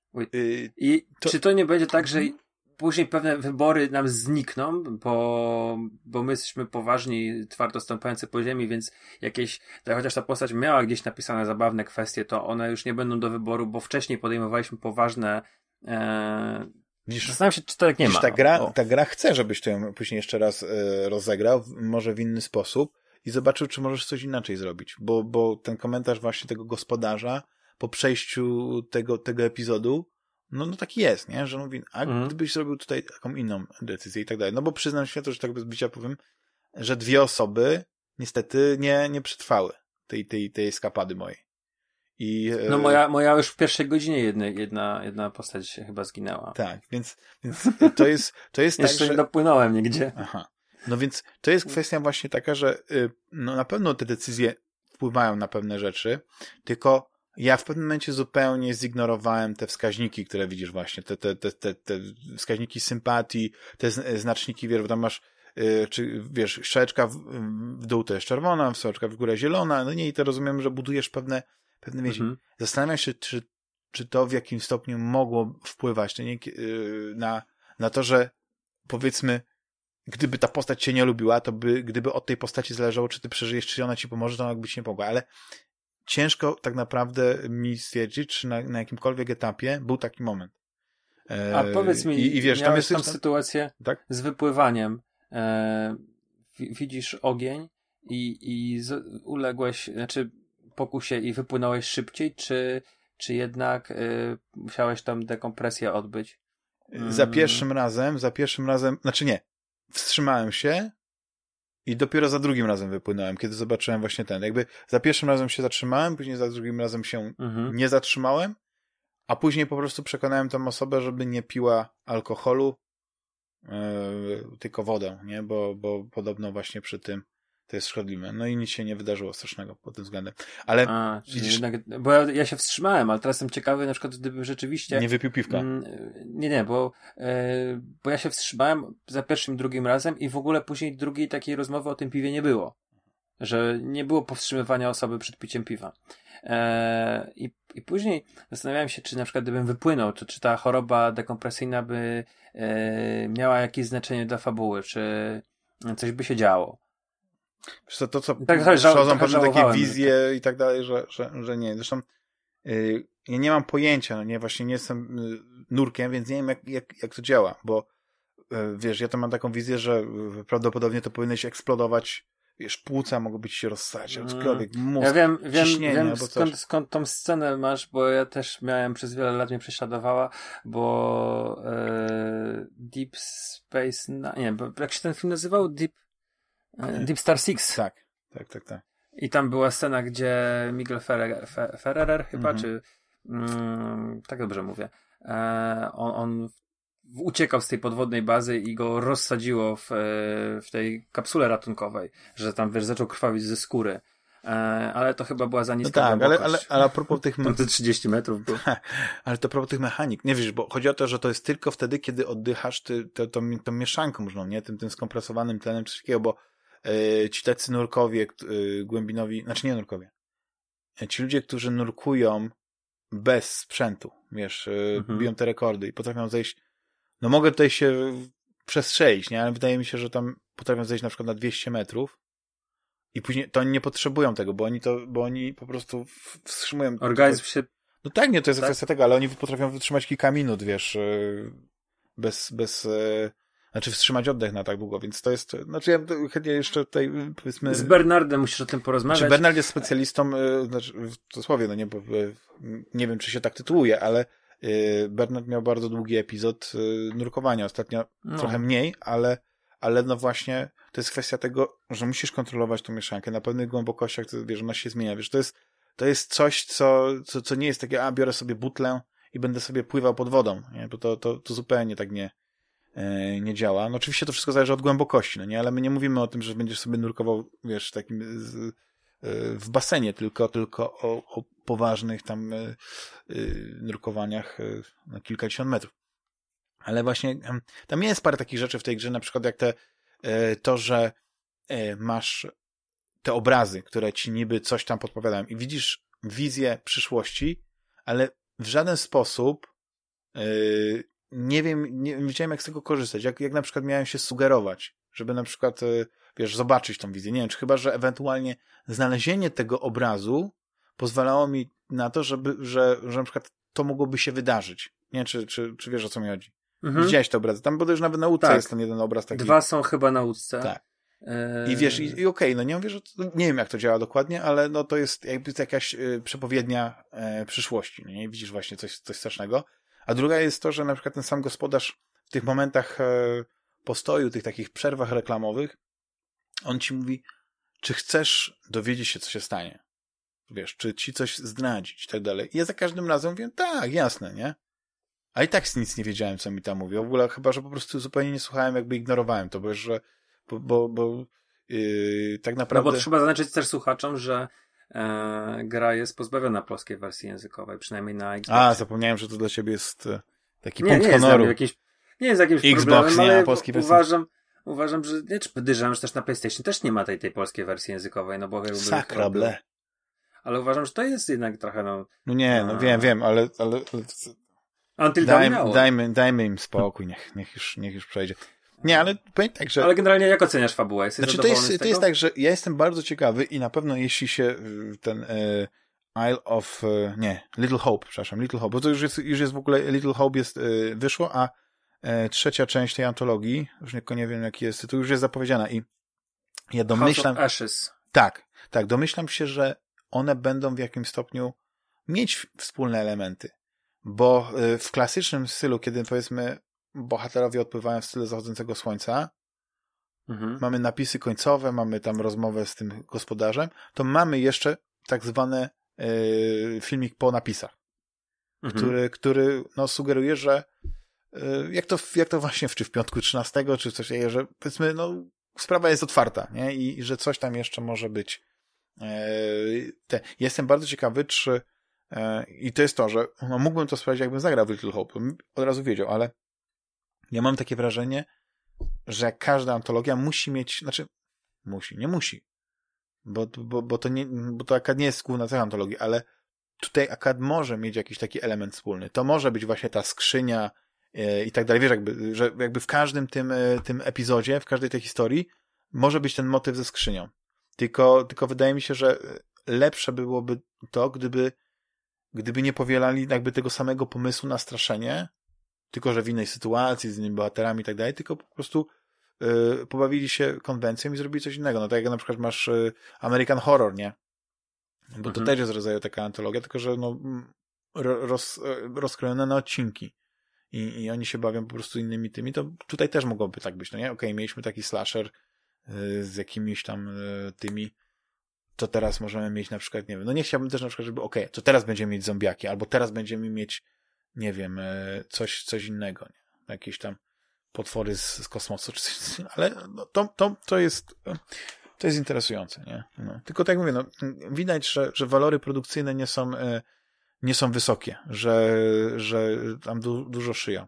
Ale sama koncepcja jest interesująca i yy, na pewno poprawiłbym pewne elementy związane właśnie, czy ze sterowaniem, tak powiedzieć, nie? że to chodzenie jest takie jak jak w Resident Evil pierwszym z pierwszego PlayStation. Nie? Takie, te, mhm. no oczywiście to nie to jest... Toporny czołg. Taki, tak, ale... tylko rzeczywiście no, sterowanie już nie jest czołgowe, jest trochę inaczej, ale, ale yy, wiesz, gra na przykład daje ci możliwość w pewnym momencie, że możesz biegać, ale później na przykład nie. I tak, tak wybiórczo ci tak traktuje to, a, a, a ta gra potrafi być wolna, potrafi być yy, irytująca, nie? No. Zresztą no, to jest jakby tak, że właściwie chodzisz po tych wszystkich pomieszczeniach, tylko po to, żeby później dojść do kolejnego elementu, w którym będzie właśnie QTE i jakaś tam, bo podnosisz jakieś przedmioty, ale one nie, nie przybliżają cię do tajemnicy. w żaden sposób, mhm. wiesz. Znajdujesz no nie, jakieś, są, jakieś kartoteki, wrażenie, jakieś te... są, tak, jest tam jakiś taki... martwe wskazówki. Tak, jest jakiś tam dziennik pokładowy, który e, ciut więcej zdradza, no ale tu nie mamy do czynienia z, z, z e, prawda, z zalewem informacji, jak na przykład w kontrol, nie? Więc, więc to, więc e, no być może jak, jak już przejdziesz ten, ten, ten, ten epizod i będziesz chciał właśnie tak e, wtedy jakby podsumować te swoje wrażenia, to możemy jeszcze wrócić do tego tematu, ale mi się wydaje, możemy że... Też, możemy też kupić na przykład drugą część. I... No tak, wesprzeć twórców, tak, tak. No i, i, i zobaczcie, jak to się, jak się wiesz, no ja, ja nie mówię nie. Mhm. Ale, ale, no ale a propos kontrol. Mówiłem ci już, że przyszedłem? Mówiłem. A, to, to pisałeś mi chyba. Tak. tak, i to też będzie troszeczkę spoiler, to też zaznaczam w takim razie, że, że będę mówił o pewnych rzeczach. Bo rozmawialiśmy właśnie na temat zakończenia. Fantastyczna gra pod względem właśnie rozgrywki, fantastyczna gra pod względem klimatu. Bardzo lubię też e, tą Jessie, główną bohaterkę, bardzo mi się podoba e, jako postać, ale to właściwie ona, ona nie ma jakiejś takiej bardzo rozbudowanej osobowości, nie? To, ale, ale jakby w jakimś stopniu ją poznajemy i ona mnie nie, nie odrzuca jako taka heroina. Ale to, co... Myślałem, że ktoś za mną chodzi. Widzisz duchy? Kurczę, słyszę jakieś mm -hmm. kroki. A to może moje skrzypiące krzesło. Właśnie zmieniłem ostatnio krzesło na, na mniej skrzypiące, ale teraz coś jakby ktoś stąpał. Nie? Już wiesz, czuję tutaj no, podniosło mi się ciśnienie. Yy, ale wracając do kontrol. Przeszedłem, ale zupełnie nie wiem, czy ja liczyłem na jakiś niesamowity twist, że, yy, że to zakończenie mnie w żaden sposób nie, nie usatysfakcjonowało. Zresztą ta gra jakby kończy się raz, masz napisy końcowe, później trochę grasz i kończy się drugi raz. Nie wiem, czy miałeś też czy to jest jakby standard? Mhm. To jest standard. Tak, tak. A później jest jakby gra otwarta, czyli możesz te wszystkie misje, które nie dokończy, których nie dokończyłeś. Ja na przykład przeszedłem grę zupełnie pomijając wiele misji, które się robi dla tego woźnego. Które ci dają mhm. dodatkowe moce i wiesz, ja przeszedłem grę bez, bez tego dasha, no nie, bez tego tych uników, bez jakichś takich innych, tak mówię, no kurczę, no nie, to, to zupełnie, znaczy traktowałem to jako misje poboczne zupełnie niepotrzebne i, i, i się tym nie zająłem, a to, to naprawdę są sympatyczne takie te, tylko, że to jest, to jest Chyba, tak jak chyba rozmawialiśmy wtedy, kiedy ja w to grałem, to ja powiedziałem, że misje poboczne są ciekawsze niż wątek główny. Tak, znaczy, no misje poboczne, chyba... ale one mają, y, wszystkie, y, wszystkie te, te misje poboczne mają właściwie taki jeden, jedną cechę, yy, że tak naprawdę są tylko powodem dlatego, żebyś gdzieś tam sobie poszedł i pobawił się tymi mocami, postrzelał mhm. i, i te. Oczywiście są później te takie, yy, oj, zapomniałem jak się, yy, te, te, te, ten świat takich tych zawieszonych bloków, taki astralny, mhm. gdzie mamy taki trochę taką, taką grę platformową, gdzie ta walka... Tak, że wchodzisz przez tą chyba y, szafę grającą, dobrze mówię? Nie, to szafa grająca to jest, to są, to, to jest też y, ciekawy dodatkowy element, bo to są te takie y, bardziej jakby takie sprawdziane dla ciebie, gdzie masz ograniczony czas mhm. i musisz wykonać pewne czynności. I to jest, to jest taki bardziej arkadowy element, który nie ma nic A wspólnego. Mówisz, że platformowy, tak? To są te takie, y, no te takie bloki takie zawieszone, po których skaczesz, gdzieś tam masz takie... Na początku one są po to, żebyś na przykład, nie wiem, przeszedł i nauczył się e, tych umiejętności specjalnych wykorzystywać, a później te... Mhm, mhm. Masz rację, wiem o co ci chodzi, tak. I to jest kapitalna Ale... sprawa, bardzo mi się to podoba. W mm. ogóle cały, cała ta, ta stylistyka tej gry, te, ten klimat, no po prostu jest tak niesamowity, a jednocześnie tak fantastycznie mi się po prostu strzela, walczy, rzuca tymi mocami. No, wiesz, ja gram y, na, na, na komputerze, więc sterowanie mam pod myszką, więc to strzelanie jest błahe, jeśli chodzi o celowanie, y, a dodatkowo, wiesz, jako, że mam myszkę z wieloma przyciskami, to te wszystkie umiejętności specjalne, jak podnoszenie przedmiotów, ciskanie nimi, nie sprawia mi jakby najmniejszego problemu. To jest wszystko takie płynne. Ale nie czujesz się oszukany albo rozczarowany, bo na przykład ta gra na początku bardzo wiele obiecuje. Um, no pod względem fabularnym, tak.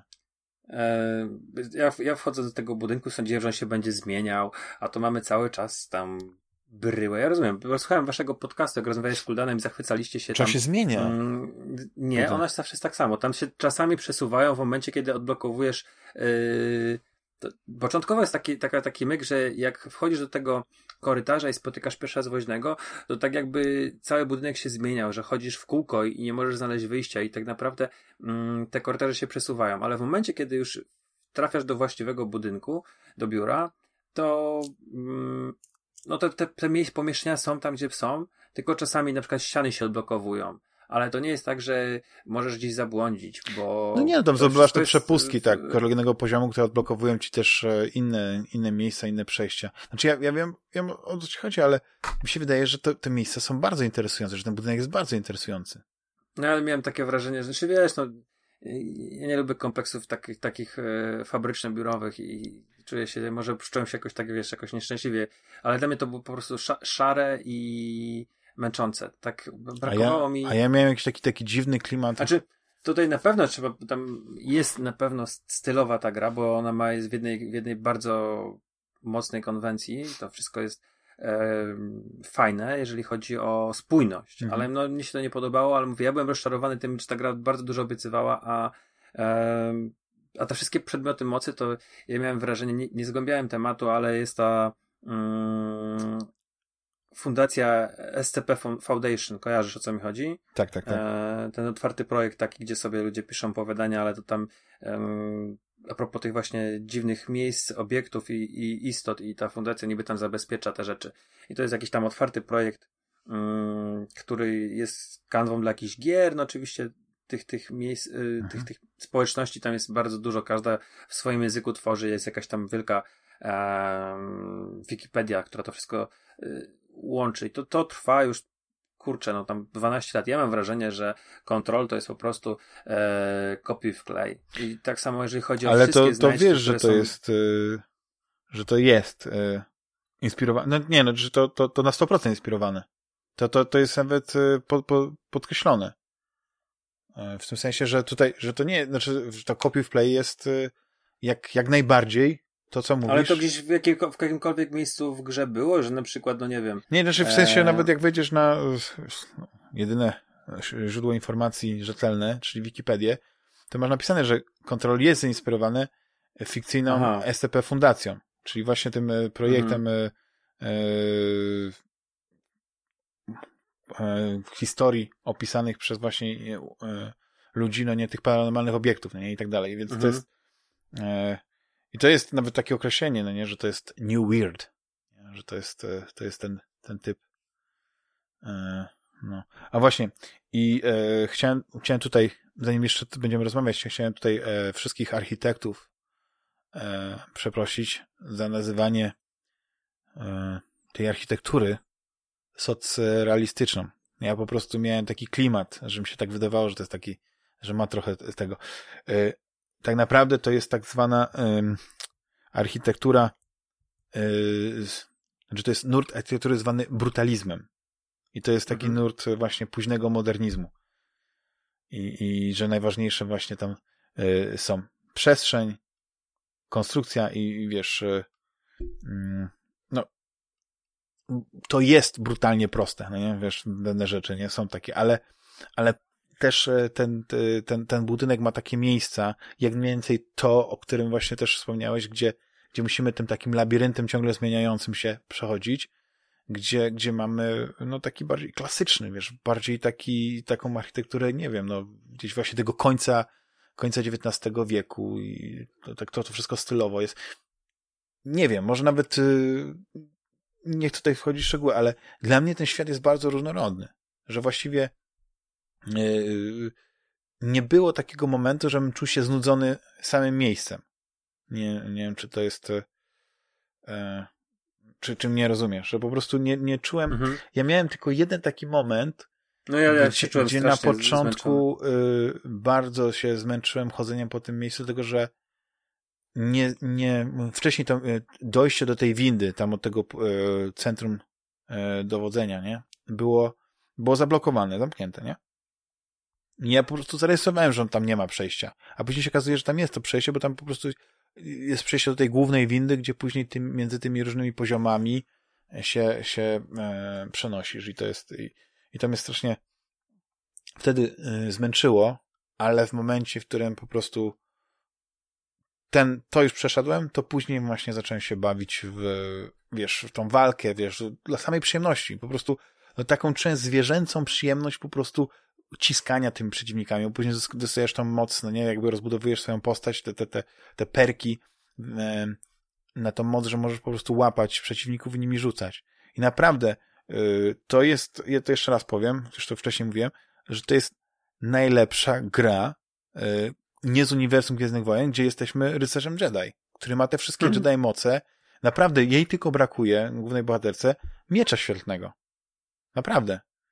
I tak to by po prostu byłaby lepsza niż, niż e, jak się nazywał ten e, z Fallen Order? Główny mm. bohater. No. Byłby... Kyle, Kyle, Kyle, dobrze mówię? Kyle? No, nie wiem. No, ale w każdym razie, no to on jest pikuś przy niej, no nie? Chociaż oczywiście, no tak nie do końca, ale, ale ja miałem dużo więcej frajdy i satysfakcji e, z walki właśnie w kontrol niż, niż e, Jedi Fallen Order. Naprawdę. I, i mhm. no, no, nie da się na tego porównać. Ja w kontrol potrafię wejść i pograć sobie tylko po prostu, żeby sobie po, powalczyć. I teraz przeszedłem ten, ten dodatek Foundation. Też specjalnie, wiesz, e, nie wiem o czym on jest. Jakbyś mnie zapytał, co tam miałem zrobić, tak dalej, to bym ci powiedział. Powiedziałbym ci, jakie fajne miejsca tam zobaczyłem, jakie, jakie niesamowite właśnie brutalistyczne windy w, w czymś, co mi wygląda, przypominało jakieś kamieniołomy widziałem, jaki, z jakimi przeciwnikami walczyłem, jaki, jakimi bossami. Ale tak naprawdę to pff, zupełnie. Tak samo jak ten dodatek też e, z Alanem Wake'iem. No jedynie to, że on mhm. się tam pojawia w takiej formie astralnej, że gdzieś tam się, wiesz, słyszysz jego głos i tak dalej. Ja nawet nie wiem, czy ja przeszedłem ten dodatek z Alanem Wake'iem. Muszę wrócić i słuchaj. Po prostu albo ja y, tracę gdzieś wątki, jak gram, i zupełnie nie, nie, nie, nie, nie kojarzę, co się dzieje, albo faktycznie jest jakiś problem z tym, jak, w jaki sposób ta fabuła jest e, w tych grach, e, w tej grze prowadzona. W tej grze jest fatalnie prowadzona. No. Ja, ja rozumiem, że. Znaczy, to jest moje zdanie, wiesz. Są ja... super te znajdźki, tylko że one, one mi się nie kleją. To dla mnie z tymi znajdźkami jest taki sam problem, jak ze znajdźkami na przykład e, w Metal Gear Solid. Ja miałem dużą przyjemność, jak na przykład w Peace Walkera, chyba tak się nazywa Peace Walker. Już nie pamiętam, na PSP, jedna z tych części tam się znajdowało to nagranie, wiem, bo jak są super i tyle. Ale ja musiałem je wszystkie znaleźć i dopiero wtedy jeszcze raz wszystkie po, y, y, jak już wszystkie znalazłem, opuścić, żeby zrozumieć, co to jest za historia. Bo tutaj znajdujesz, prawda, pewne jakieś mhm. kasety, mhm. nagrania i tak dalej, ale przez to, że granie pozwala na przykład ci słuchać idąc dalej, tylko musisz się gdzieś zatrzymać, to jako, że ja i tak już założyłem, że mnie to nie interesuje, co oni tam mówią, bo po prostu nie śledzę tego, to ja po prostu już, a, już macham ręką i szedłem dalej bo mówię, to co najbardziej mi się podoba, to jest właśnie ta walka, to ciskanie. I no nie wiem, no kapitalnie zrobili, że w ogóle yy, yy, to jak tak, ty grałeś na PlayStation, tak? Tak. Nie miałeś żadnych problemów. Słyszałem, że tam na, na, na Xboxie to strasznie nie, już, niska rzeczywistość i w ogóle. Nie, było wszystko w porządku, już chyba też po takich większych paczach to było. Tak. Bo ja w tę grę grałem, kurczę, żeby ci, żeby ci nie skłamać. Mm, jakoś w kwietniu kończyłem ją. Tak. W połowie kwietnia, coś takiego chyba to było. Wiesz, ta gra ma cudowne, y, cudowną oprawę, y, y, taką graficzną pod względem fizyki. Mhm. Uwielbiam po prostu rozwalać, wyrywać jakieś kawałki muru, ciskać nimi, gdzieś coś tam rzucić, wiesz, rozwalić, odłamać, zniszczyć, wiesz, te wszystkie obiekty, jakieś krzesła, jakieś biurka, buch, użyć mocy, dmuchnąć tym papiery lecą. Oczywiście te papiery później gdzieś tam znikają, ale ten, te elementy, te, te, te efekty cząsteczkowe są w tej grze. I tego mi ostatnio brakowało, bo, bo gry były takie, wiesz, wysoka rozdzielczość, te błyszczące, wiesz, to od czego żeśmy chcieli odejść z, z generacji e, tam 360 i PlayStation 3, że, że był ten dominujący Unreal Engine i e, tekstury, które się świeciły jak, e, prawda, wiadomo co psu. I od, chcieliśmy od tego odejść, a teraz nagle do tego wracamy, bo, bo chcemy, żeby był ten ray tracing, żeby wszystkie powierzchnie odbijały naturalnym światłem, naturalne odbicia. A ja właśnie chciałem, żeby było to, co było w Killzonach. Że były te warstwy, mhm. prawda, że one pozwalały y, w każdej tej warstwie coś innego obliczać. I były te elementy storyczkowe, były te pyły, były te rozbryzgi. I to jest to fenomenalnie zrobione. Po prostu y, jak, jak jest jakiś, jak wchodzisz w dym, to wchodzisz w dym. I ten dym jest. I to jest rewelacja. Naprawdę. Bardzo no tak, tutaj rzeczywiście, jeżeli tak sobie popatrzeć um, na gry z, z, tej generacji, tak sobie powspominać, to um, no to to fajnie to robi wrażenie, ale też zastanawiam się, um, czy to nie jest też kwestia tego, czy to jest taki właśnie wybór artystyczny, że, e, że możesz to, to obserwujesz i to tak jest bardzo widoczne, bo to się dzieje na tle szarej ściany, albo szarej podłogi, albo e, no nie wiem, szarych schodów. Szarych, szarych ścian albo brunatnych no tak. jaskini, tak, tak.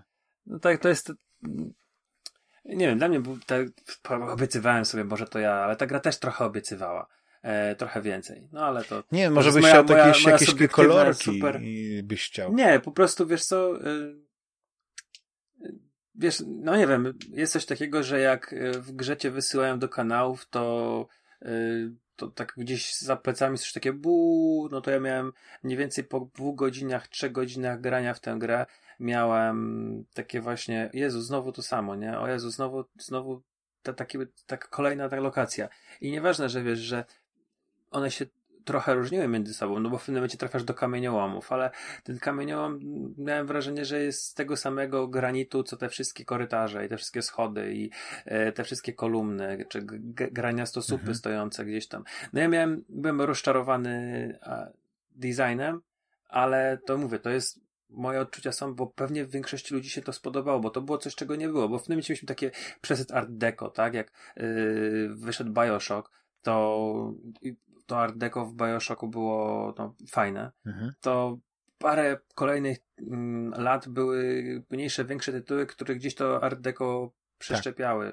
Tak. Um, I tego brutalizmu y, rzeczywiście jakoś specjalnie nie było. No ale mnie się akurat to no, chyba może sam, sam tego nurtu w architekturze i sztuce nie lubię i, i Um, kojarzy mi się. Ale do, dobrze ci się kojarzy. Moim zdaniem się super ci kojarzy z socrealem. Bo, bo ten bo tu chodzi o to... może rzeczywiście gdzieś na zachodzie były tak. jakieś tam finezyjne i stawiali te budynki pewnie na jakichś, e, wiesz, mm, grania w stosupach czy, czy walcach, ale w Polsce no to, to, to taki brutalizm tam się kojarzy, no nie wiem, z dworcem w Katowicach albo z wiesz, tak. jakimiś takimi starymi wydziałami Politechniki. Bo ja przyjmuję e... ten argument, że typowy socjalizm on, on wiązał się nie tylko właśnie z, tą, z, tym, z tym monumentalnym, wielkim budownictwem, z tym przepychem, ale też właśnie z tymi zdobieniami, z tymi kolumnami, z jakimiś takimi e, e rzeczami odwołującymi się do historii, żeby tam pokazać właśnie ten, ten, ten, ten no tak, i tam wiesz, i architekci wtedy nawet te takie drewniane ozdoby, wiesz, yy, które, które służyły, wiesz, drewniane jakieś płyty, które były przy, przy schodach jako poręcze, czy jakieś takie nawet ławki projektowali. To tak. wszystko miało ręce i nogi, bo te budynki, nawet jak się pójdzie na jakąś starą politechnikę, czy jakiś uniwersytet, czy mhm. Akademię Sztuk Pięknych i się pochodzi po tych wnętrzach, no to one są jakieś, to są, e, o, to nie są takie, wiesz, mm, nie wiem, takie, takie, takie... Takie bez wyrazu, tak. Bez wyrazu, no, Ikeowskie jak z katalogu, tylko nie. rzeczywiście one mają przemyślane. Zresztą te budynki były same w sobie z tego, co kiedyś tam czytałem, na przykład o szkołach tysiąclecia, że to są tak. bardzo, bardzo konkretnie projektowane wszystkie było. No to, tylko że mnie się to nie podoba, no. Co no ja rozumiem. Koniec, I, i, już nie drożmy tematu, nie, ale ja cię rozumiem, bo, jakiegoś bo ja, ja też, ja też jestem y, fanem modernizmu. I y, jest taka bardzo dobra książka. Jak nie czytałeś, to ja ci serdecznie ją polecam. Ale pod, właśnie pod tym względem, właśnie takim, y, żebyś rzucił na nią oko pod względem tego, y, jeśli chodzi o, o architekturę. To jest źródło Ayn Rand. Mhm. Nie wiem, czy czytałeś. Nie, ale znam pisarkę. Tak, no to jest właśnie, tam jest, tam jest y, główną, y, głównym bohaterem jest Howard Rourke, który który jest takim nieskorumpowanym wewnętrznie architektem, który nie będzie robił e, czegoś dla komercji, tylko będzie robił coś, e, co jest w jego duchu e, istotne w architekturze. Wiesz, jakby mhm. to oczywiście jest, jest e, powieść e, e, być może już teraz, e, nie wiem jak, jak teraz właśnie, jeśli chodzi o Ayn Rand, czy, czy ona jest me, czy b, czy, czy hehe. Wiesz, że to, bo wiesz, chodzi mi o to, że ona Myślę, mogła przejść że... taką karierę jak J.K. Rowling, nie? Być uwielbianą pisarką, y, kochaną przez, przez miliony, y, do, do, do, wiesz. No bo przeważnie się mówi o niej w kontekście właśnie tego obiektywizmu i Mhm. I drugiej książki, którą jest, e, której jest, e, którą jest... Atlas. Tak, Atlas zbuntowany, zbuntowany. tak. I który, który no, jest w jakimś stopniu inspiracją właśnie wspomnianego Bioshocka. I jeśli ktoś... Zresztą, znaczy Atlas zbuntowany ja, czy ja wiem, czy to jest dobra książka, czy nie, to jest, to jest, to jest cegła. To jest strasznie gruba książka i o tym, jak właśnie kapitalizm tak naprawdę jest y, ok, a, a ten rząd i te regulacje to jest w ogóle B. Tylko, że tam jest to pokazane właśnie no, tak do absurdu i masz ten, ten taki świat, gdzie, gdzie ci wszyscy ludzie mogą się rozwijać e, i nie są ciemiężeni przez te rządy. I e, Bioshock mi się bardzo podoba jako, jako komentarz do tego, do tego, do tego pomysłu, no nie? I to jest, zresztą, jak ktoś na przykład by najpierw przeczytał Atlas Buntowany, później zrobił Bioshocka, to by miałby taki interesujący efekt, nie? Właśnie tego, tego. Ale to jest zupełnie inna, inna rzecz. Zresztą Atlas Buntowany nigdy nie doczekał się porządnej ekranizacji. Zrobili trzy filmy, właściwie udało się zekranizować tą książkę, ale mieli takiego pecha, że właściwie chyba w każdym, bo podzielili to na trzy długie filmy, w każdym filmie grają e, te same postacie, no nie, In, inni aktorzy. No, no to jest mhm. bardzo ciekawe. Zresztą jedno, chyba w pierwszej części Atlasu Zmontowanego gra, gra ta aktorka, która później zrobiła karierę w e, Orange is... Nie, Orange is the New Black, Black tak? Mhm, nie wiem, nie, nie, nie No i ona po prostu już była tak popularna, że no niestety już nie było ich stać, żeby, żeby ją wynająć do, do nakręcenia drugiego, drugiego, drugiego epizodu Atlasu Zbuntowanego. No ale to jest taki, taki coś. Nic, jak mogę, to polecam e, obiema rękami, obiema nogami, oboma e, grę Control. Szczególnie w tej wersji Ultimate. Jestem bardzo ciekawy, jak to w ogóle ta gra będzie wyglądała na te A, demony nowej generacji. Mhm. nowej generacji, wiesz, Series X, PlayStation 5. Yy, właściwie zauważ, że dopiero teraz wspomniałem o tym tym. Jak, jak istotne są właściwie te, te nowe konsole. Bo właściwie gry są te same, tylko ładniej będą wyglądać. Że nie ma taki, że ten taki, że ten przejście do generacji jest takie płynne. Że tak naprawdę nadal możesz grać te same gry, tylko oczywiście no nie będą takie piękne jak, jak na Series X. No ale to, to już jest inna kwestia. No ale drogi, e, drogi Rafale, bo, bo zdominowałem tutaj tę część, w co ostatnio graliśmy, a ja jestem bardzo ciekawy, mm, w co ostatnio ty grałeś. Jakie to gry właśnie udało ci się wcisnąć w twój taki bardzo busy, busy schedule. A takie mniejsze brałem. A czy te, te, z tą jedną to nie jestem pewien, czy taka mniejsza, ale... ale World of Warcraft. E, nie, wiesz co, y, od czego chcesz zacząć? Od kosmosu czy od y, Ziemi? Nie będzie od Ziemi, bo wiem jaką, o jakiej myślisz, jeśli chodzi o kosmos. Ona mi jaka tak nie przypadła, to ja pewnie o tej Ziemi posłucham. E, Karto, to się pojawiło jakoś chyba mm, w ostatnim czasie na, e, na Game Passie mhm. i wiesz, muszę mieć jakąś grę, w którą gram przy dziecku i tak wiesz, po obrazku stwierdziłem, że to chyba nie ma tam przemocy. I rzeczywiście jest to e, gra, która opowiada o dziewczynce, która musi zbierać karty takiego, nie wiem, no, e, składają, które składają się na mapę świata. Mhm. I cały myk tej gry, która jest trochę przygodówką, trochę grą logiczną, a właściwie bardziej może logiczną, polega na tym, że e, poprzez ustawianie kwadratów, e, które stworzą nam mapę, zmieniamy świat swój, po którym się poruszamy. I to jest, to wiesz, oczywiście to, to jest taka skala bardzo mikro, czyli przejście jednego kwadratu zajmuje nam powiedzmy około 5 sekund, ale e, musimy go łączyć, wiesz, że rzekę musisz połączyć z rzeką. E, mi się to kojarzy takie z platform... Tak, właśnie, z planszówkami mi się to kojarzy. Mm, ale możesz też robić takie, wiesz, e, myki, że jeżeli na przykład e, szybko ten kwadrat z mapą zaczniesz obracać w jednym kierunku, to na przykład stworzysz wir Albo na przykład, jeżeli um, potem dają ci wskazówki, um, mhm. różne postacie, które spotykasz, że na przykład um, no, ta postać jest y, na, w, pół, w północnym porcie. Więc jeżeli dostawisz sobie ten cypel z portem na południu mapy, to tam nikt się nie pojawi, ale jeżeli go dostawisz właśnie na północy, to tam się pojawi postać, z którą będziesz mógł porozmawiać i która popchnie fabułę do przodu. Jest to e, wiesz co, szalenie też ładna mm, gra. Ona mi się kojarzy z, y, takimi książkami ilustrowanymi dla dzieci. Mhm. Um, bo to wszystko wygląda jakby, no czy to prawdopodobnie wszystko było rysowane. No i tam jest masa takich... Pucio jest taka fajna dla takich ma maluszków. Dokładnie. I to też trochę Pucia przypomina. Um, czy na przykład e, Rok w lesie. Mhm. Um, więc masz tam masę takich e, różnych zagadek właśnie związanych z tą mapą, plus e, trochę trzeba um, pogłówkować o tym, o czym mówią postaci, bo to są właśnie i postaci, które spotykasz w grze, mówią różne rzeczy enigmatyczne, ale nigdy nie mówią typu um, masz tutaj kafelek mapy, dołącz go gdzieś tam, tylko mówią, że mm, na przykład jakaś tam roślina rośnie mm, przy zakolu drogi, no nie? I, i, i musisz tą drogę gdzieś tam tak poustawiać, żeby tworzyło jakieś takie zakole.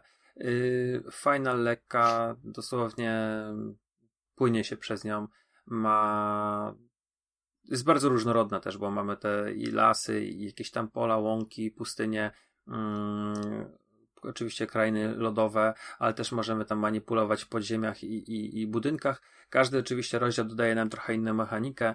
Gdzieś tam mamy dwupoziomowe, mm, dwupoziomowe mapy, czyli manipulując tą u góry, możemy się inaczej poruszyć tam na dole, e, tej, w tej dolnej warstwie. I no tak jak powiedziałem, no ja gram, to mogę sobie pograć przy córce, bo ona tam się trochę pocieszy, oczywiście pobawi się swoimi tam leczkami LOL, które, które przez ciebie przez, tak. przez ciebie wpadłem w te laleczki LOL. Tak? Już, tak no to już... Na razie jesteś jeszcze na leczkach LOL, a później są te OL, e, LOL OMG. To już jest w ogóle. Aha. No, ale to już dla starszych takich, to już jest w ogóle masakra. Dobra. E, wracając do gry. Ona się tam bawi, a wiesz, a ja, ja sobie mogę chwilę pograć y, dla, dla relaksu, kiedy, kiedy wiesz, nie, nie chcę się gapić w telewizor, czy, mm, czy, czy nie mogę poczytać. E, bardzo fajna i polecam, jeżeli ktoś ma ochotę właśnie taką lekką grę logiczną, um, bo, bo zagadki nie są szalenie trudne, one wymagają trochę um, takiego trochę nie, może nawet nie szablonowanego, nie Boże, już jest ta godzina, że mi trochę się język plącze, przepraszam słuchaczy, przepraszam ciebie, e, nie szablonowego podejścia, tylko takiego trochę um, pokombinowania bardziej mhm. z tą mapą. Um, fajna, fajna rozrywka i jeżeli ktoś mówi, szuka czegoś lżejszego, to to jest fajna. Dla mnie to rzecz. jest y, małe odkrycie, bo ona mi w ogóle nad nie migła. Nie wiem dlaczego, ale, ale zupełnie gdzieś y, w tym Game Passie ją, ją przecież... No bo to weszło wiesz, jej Access dołączyli, więc. E, A ona jest z jej Access? Nie, nie, nie, nie, nie, to nie jest jej Access. Ona weszła sobie, gierka niezależna mała Ale i chyba dwa dni później. Tak, przysypało jej... Czyli karto e... pisane jako carto, warto. Ta, ta, ta, ta. No, piękne, piękne. Nawet nie czuję, jak rymuję. Warto karto. Yy, no ale a propos tego, tego co w jej się pojawiło, jej e, Play weszło, ty masz ten e, Ultimate? Game Pass Ultimate? Mam, mam, mam. No, muszę przyznać, że y, tak e, byłem pe pewnie już znudzony trochę tym Game Passem, nie? W tym sensie, że ja tak y, ja dużo tych gier, ten przepych, w cudzysłowie, y, mnie tak już trochę znudził i bardzo mi się spodobało, że mogę teraz sobie wrócić do wielu takich klasyków, jeśli chodzi o, o, o gry EA i nie będę teraz o nich e, specjalnie e, mówił, ale praktycznie wszedłem tam i chyba tak z marszu zainstalowałem chyba z 6 czy 7 gier. I między mhm. innymi, znaczy parę gier już miałem zainstalowanych, bo ja po prostu y, wcześniej je zainstalowałem w ramach wstecznej kompatybilności, ale teraz po prostu okazuje się, że nie muszę płytki wyjmować. I zacząłem grać i prawdopodobnie chyba skończę Dead Space. Jakby, no, ta gra się w ogóle nie zestarzała. Oczywiście ja mam tę wersję na PC i na PC ona wygląda dużo lepiej. No ale na PC nie wiem dlaczego. Nie mam polskiej wersji językowej. Ona też lepiej wygląda na PlayStation 3. Tak? O, to tego nie wiedziałem, że wygląda lepiej na PlayStation 3. I yy, no, ale na, na, na Xboxie jest polska wersja językowa. Nie wiem, czy na, na PlayStation 3 mhm. jest. A nie pamiętam, no. ale. Tylko nie, tylko jest e, z napisami. W sensie yy, nadal trzeba jednak być osłuchany z językiem, żeby, żeby wiedzieć, co oni mówią ale no po prostu napadzie się tak dobrze gra, bo ja, ja gram na, na PC-cie, przyszedłem tam ten, uruchomiłem tę, tę, tę kolejkę, tam wiesz, chodzi, ale ta walka jest tak beznadziejna na myszce, nie wiem, coś skrzanili ze sterowaniem y, myszką, no nie? I, I teraz jak była ta wersja na EA się pojawiła, znaczy na EA Play, Let's Play, to mówię, a, nie muszę wyciągnąć tej płytki, sobie odpalę, pogram. No i tak z, z dobrą godzinkę, półtorej yy, pograłem i po prostu fantastycznie właśnie na padzie się gra jednak, wiesz, ten plazma katery, no nie, z tymi, mhm. tymi, to rzucanie tej stazy, jest to wszystko tak wygodne, tak, tak intuicyjne. I po prostu, y, no, znowu się zanurzyłem w ten świat właśnie Dead Space'a i tak mówiłem, Dead Space to jest taki ciekawy przypadek, bo to jest gra, która naprawdę y, gdzieś tam na, na te dwie generacje wcześniej się, y, jak ten piękny kwiat rozwinęła, ale chyba rozczarowała finansowo. No i anime było. Anime, było komiksy, w, mhm. dużo gier była gra na, na, na y, iPada i na, na telefon, no, tylko że ona w ogóle nie została zaktu, y, zaktualizowana i teraz nie możesz w nią zagrać, chyba że masz iPada albo iPhone'a albo iPoda ze starym iOS-em, no nie? Bo po prostu tam był Dead Space. Był Dead Space Ignition, czyli coś rodzaju... Na Wii chyba, nie? To było? Nie, nie, na Wii Dobrze to było Extraction. To był taki ra, y, y, rail, rail, rail shooter, także taka strzelanka na szynach, nie? Super gra. Świetna, kapitalna. I był właśnie ten Ignition, na, na, który jest takim jakby animowanym komiksem, przerywanym takimi takimi gierkami zręcznościowymi, tak? Jakimiś mm. trochę logicznymi, trochę jakimiś zręcznościowymi, ale też takie minigierki. I naprawdę ten świat Dead Space'a był bardzo rozbudowany. Ja, ja, ja mam e, właśnie anime, mam e, gdzieś DVD. Nie wiem, czy jakieś książki, ale pewnie książki też powstały. I po prostu w pewnym momencie gdzieś to nie pykło. I mi się wydaje, że chyba tam sprzedaż chyba trzeciej części już rozczarowała. Nie wiem dlaczego, bo wydaje mi się, że Akat pewnie się słabo nie sprzedała i i to był koniec. Ale te gry, każda część jest troszeczkę inna, coś nowego wnosi. Ta pierwsza oczywiście jest najlepsza, bo jest taka najbardziej, najbardziej czerpie właśnie z, i, i z Resident Evil, i z tych, tych i z, z obcego, i w ogóle, no, tam jest tak wiele świetnych elementów, że po prostu trzeba zagrać. I teraz jak ktoś ma Game Passa, nigdy w Dead Space nie zagrał, to uch, uczta. Chociaż oczywiście graficznie już to nie, nie, to nie jest, wiesz, 4K i tak dalej, i to Wypadałoby, żeby tam zrobili jakiś upgrade, y, no ale to już od EA chyba zależy. No, ale w ogóle z tych gierek to jeszcze sobie odpaliłem, przepraszam, Battlefielda trzeciego, bo mi brakowało takich e, military shooter właśnie z dobrą fabułą. Chociaż wtedy taka pewnie nie myślałeś o tym, że to jest dobra fabuła. No. Odpaliłem, odpa odpaliłem Anthem, no, e, o, bo super. to jest dobra, ja, ja dobra sobie, cena, to jest dobra cena dla Ja sobie z takich gier jeszcze z, od jej to sobie ściągnąłem Dante's Inferno, bo w to nigdy nie zagrałem. Mhm. A, też bardzo dobra gra, tak, tak, tak. Właśnie i to, to na pewno sobie też powtórzę Black, bo no w, w Black to nie grałem z 15 lat. Myślę, że spokojnie. Ja... To było jeden z ostatnich gier, jakie sobie zagrałem na PlayStation 2. Mm, ja Blacka nigdy nie przeszedłem na oryginalnym Xboxie. Nie wiem dlaczego. W pewnym momencie gdzieś chyba w, pokonała mnie gra. Ja miałem takiego znajomego, który Blacka na PlayStation 2 przeszedł, nie wyłączając konsoli, bo nie miał y, karty pamięci. Karty pamięci. Masakra, że to, to były takie czasy.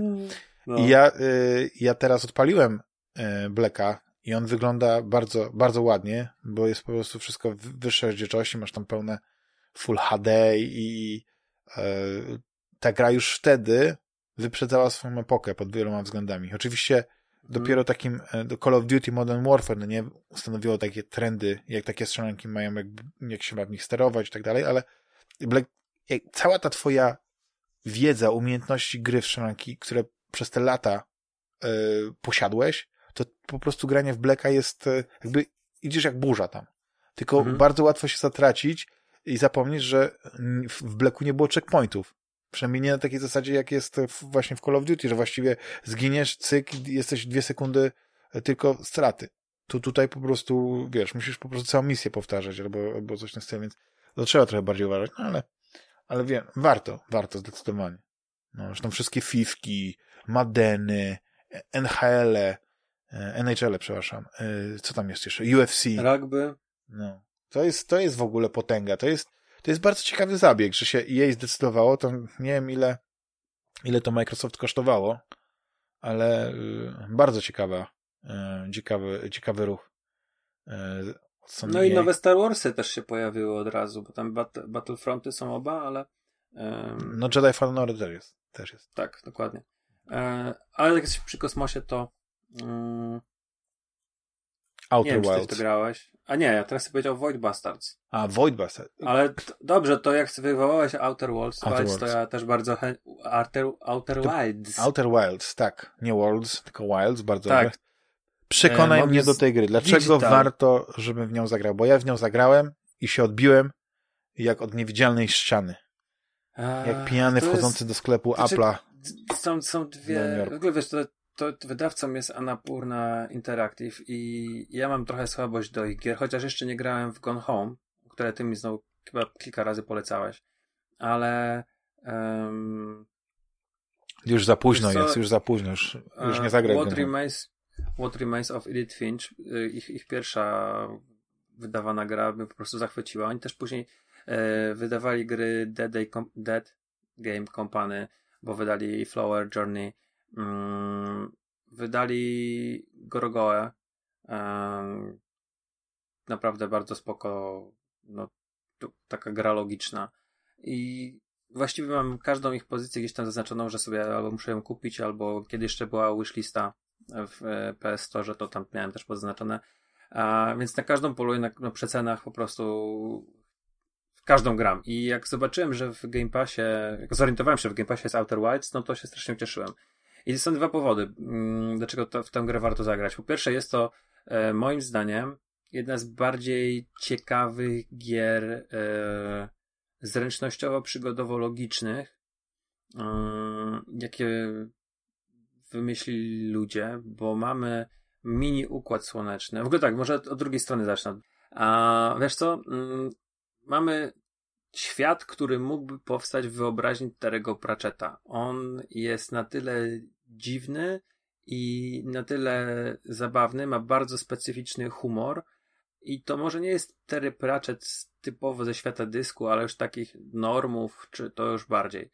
A, więc mamy sobie jakąś taką małe światy, mały układ słoneczny, małe planety, które możemy sobie obiec e, z buta. I na tych planetach e, żyje sobie rasa, która jakimiś dziwnymi, m, częściowo drewnianymi statkami lata, wylatuje ponad orbitę i, i lata po kosmosie. Mm, próbują odnaleźć ślad jakiejś prastarej cywilizacji. I co jest ciekawe, że ten, te, te wszystkie planety, które gdzieś tam się poruszają, one każde są mm, w jakiś tam sposób już y, przez kolejnych wcześniej wysyłanych astronautów w jakiś tam sposób trochę zbadane. Ale ten cały układ słoneczny mimo wszystko ma wiele tajemnic. A to jakaś dziwna, obca forma życia, a to jakieś ruiny na jakiejś planecie, a to jakieś sygnały, które są, przypominają melodie, które dobywają się z czterech różnych zakątków tego układu słonecznego. A dodatkowo, mm, co jest najciekawszym moim zdaniem elementem tego, to mamy Dzień Świstaka w tej grze. Czyli e, to nie jest mechanika roguelike'owa, ale mamy około 30 minut, już nie pamiętam teraz ile to jest dokładnie, do 22 minuty, o, to są 22 minuty, e, do momentu, kiedy wybucha supernowa i wracamy w pewne miejsce do wydarzeń, które się tam wydarzyły 22 minut temu, ale pewien progres fabularny się zapisuje. No i oczywiście zapisujesz to, co mamy my w głowie, że już gdzieś tam byliśmy, coś odblokowaliśmy, albo gdzieś tam musimy polecić coś odblokować. Um, może w tych 22 minutach tym razem coś innego będziemy mogli um, zrobić, a może się uda nam e, ten wybuch w jakiś sposób powstrzymać, albo na przykład w jakąś tam część świątyni uda nam się odblokować i to już zostanie odblokowane, bo też się zmieniają rzeczy fizycznie.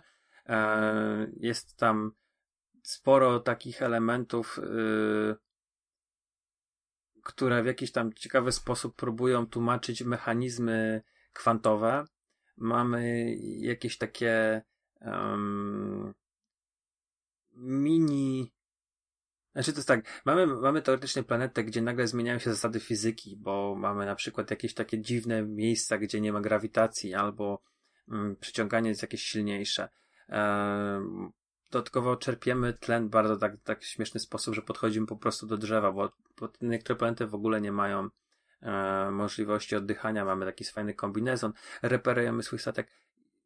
Masa mechanik i masa różnego rodzaju mm, minigier, bo oczywiście też y, statkiem trzeba wylądować, więc trzeba obserwować to z, z odpowiedniego miejsca, trzeba poćwiczyć to lądowanie. A ono się często nie udaje, bo jest to dosyć trudne. No, jest tych rzeczy masa, ale nad tym wszystkim jest ta wielka, gigantyczna tajemnica, mm, poszukiwanie e, tej, tej, tej cywilizacji Nomajów, która gdzieś tam miała jakąś dziwną obsesję mm, i poszukiwała oka wszechświata. I, i w ogóle masa takich dziwnych pomysłów, wiesz, y, które, które są momentami no jakieś takie wydające się totalnie od czapy, a jeżeli wchodzimy coraz bardziej, coraz bardziej w tę tajemnicę, jakieś tam kolejne puzzle układamy sobie, to jawi się nam koherentną fabułą. A właśnie nie fabułą, ale koherentną historią tego wyimaginowanego świata. Poza tym te postacie, które tam spotykamy sobie na, na swojej drodze, mm, one mają wszystkie swoje charaktery, mają, one żyją w tym świecie, one są przedmiotami różnych opowiadań, legend, obrazków, bo to tych, tych, tych postaci jakoś tam szalenie wiele nie ma. Mm, no i wydaje mi się, że to jest gra nietuzinkowa, w bardzo mocny sposób mm, wybiegająca naprzeciw e, takim wszystkim modom, kliszom, jakie mamy obecnie w grach. E, no jest, jest coś tym innego i ja sobie zdaję sprawę, że e, pewnie jeszcze sporo, sporo przede mną, bo tak naprawdę to pewnie się prześlizgnąłem po, e, po, po tej fabule.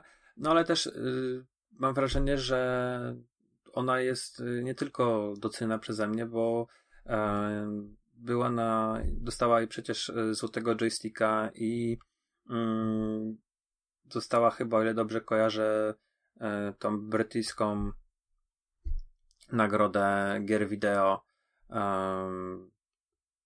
No jest, jest, jest, jest to rzecz, którą polecam ci zagrać i też słuchaczom, chociażby sprawdzić, bo jest za darmo. Ja sobie zdaję sprawę, że to trochę dziwnie wygląda, że grafika może nie taka, że um, no jakieś dziwne postaci właśnie, takie jakieś, to, to wszystko jest powykręcane i, i, i um, no te, te, te, te planety są malutkie i to może się wydawać głupie, ale tam jest um, sporo ciekawych rzeczy. Nie no, zdecydowanie w takim razie.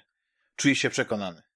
I wiesz, na przykład mm, znając gust tutaj e, innych redaktorów, e, gości twoich, a, to wydaje mi się, że wszystkim by ta gra podeszła, bo każdy e, znajdzie coś, co lubi w grach. No nie wiem, Ryszard lubi gry logiczne i mm, i tutaj jest masa zagadek od po prostu jakiegoś tam używania magnesów, e, grawitacji i tak dalej, po e, zapamiętywanie szyfro, szyfrów, deszyfrowanie różnych rzeczy.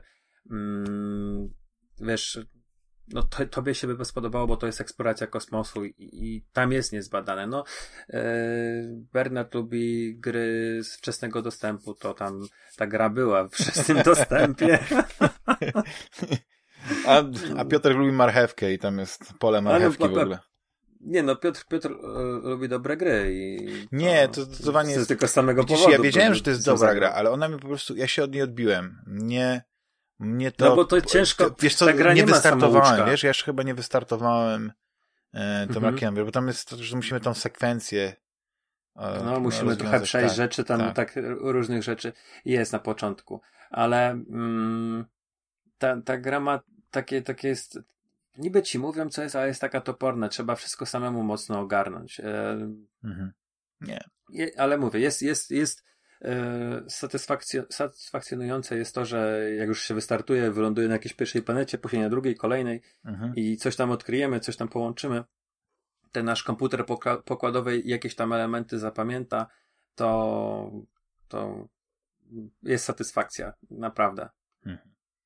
No to, no to bardzo, ja się w ogóle cieszę, że y, ten gatunek y, w ogóle, znaczy, to nie chodzi o gatunek, ale to, że jest więcej gier, w które możemy właśnie statkami w kosmosie polatać.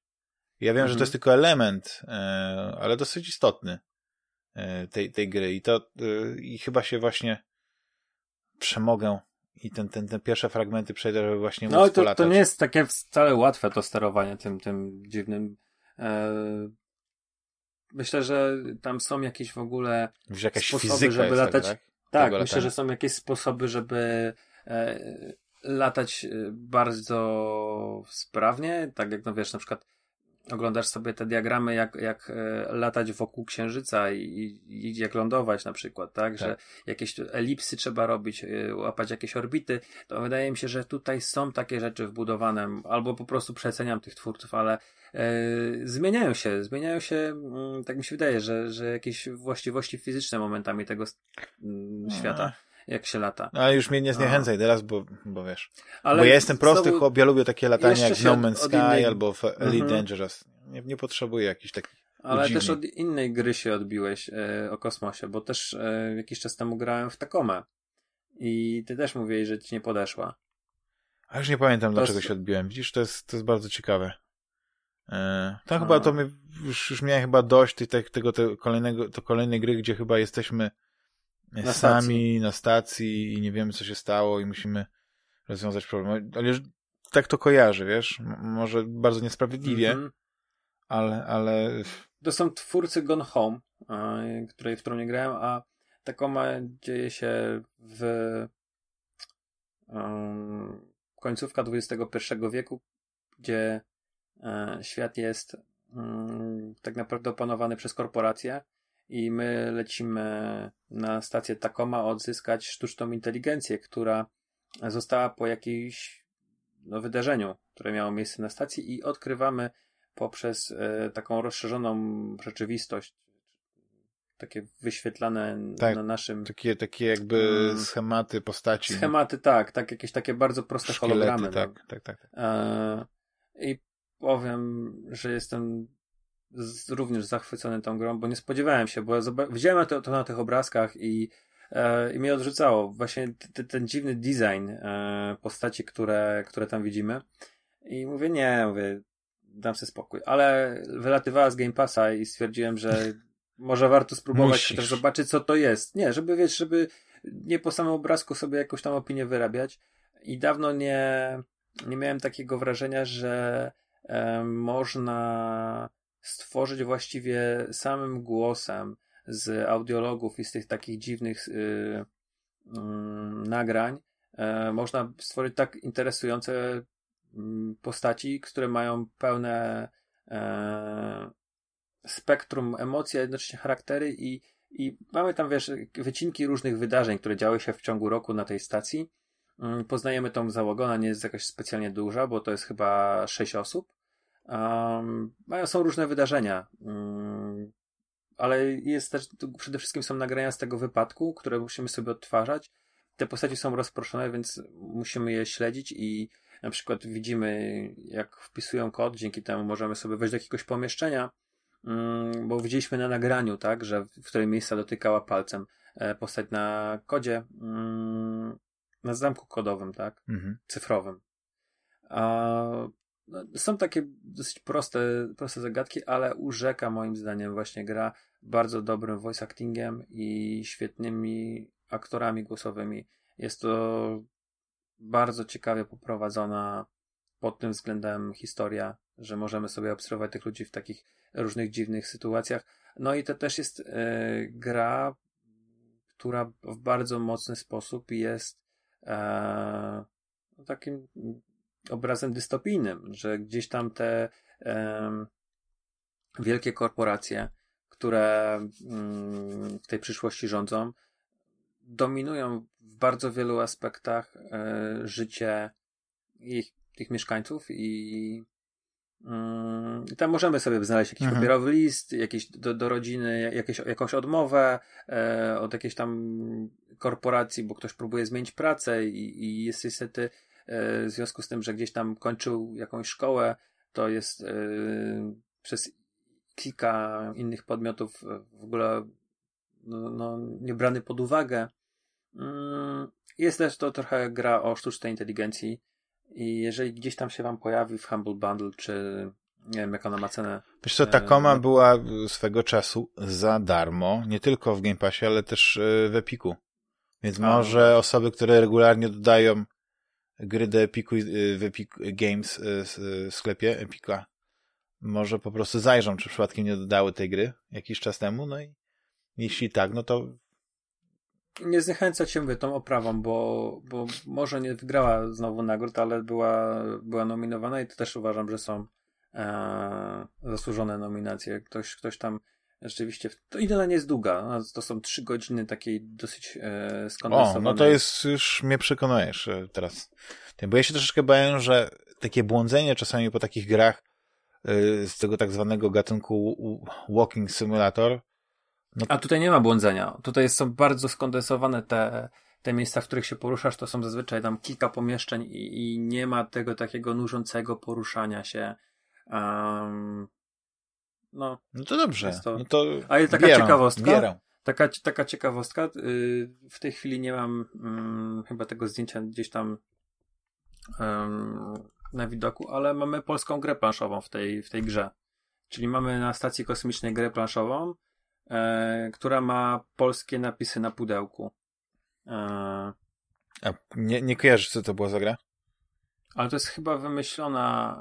Um... A na potrzeby gry, czy w ogóle to jest gra? No właśnie, właśnie nie wiem, bo ta. E, zaraz sobie, sobie, zaraz sobie zobaczymy. Mhm. E, to gdzieś mi wyskoczy.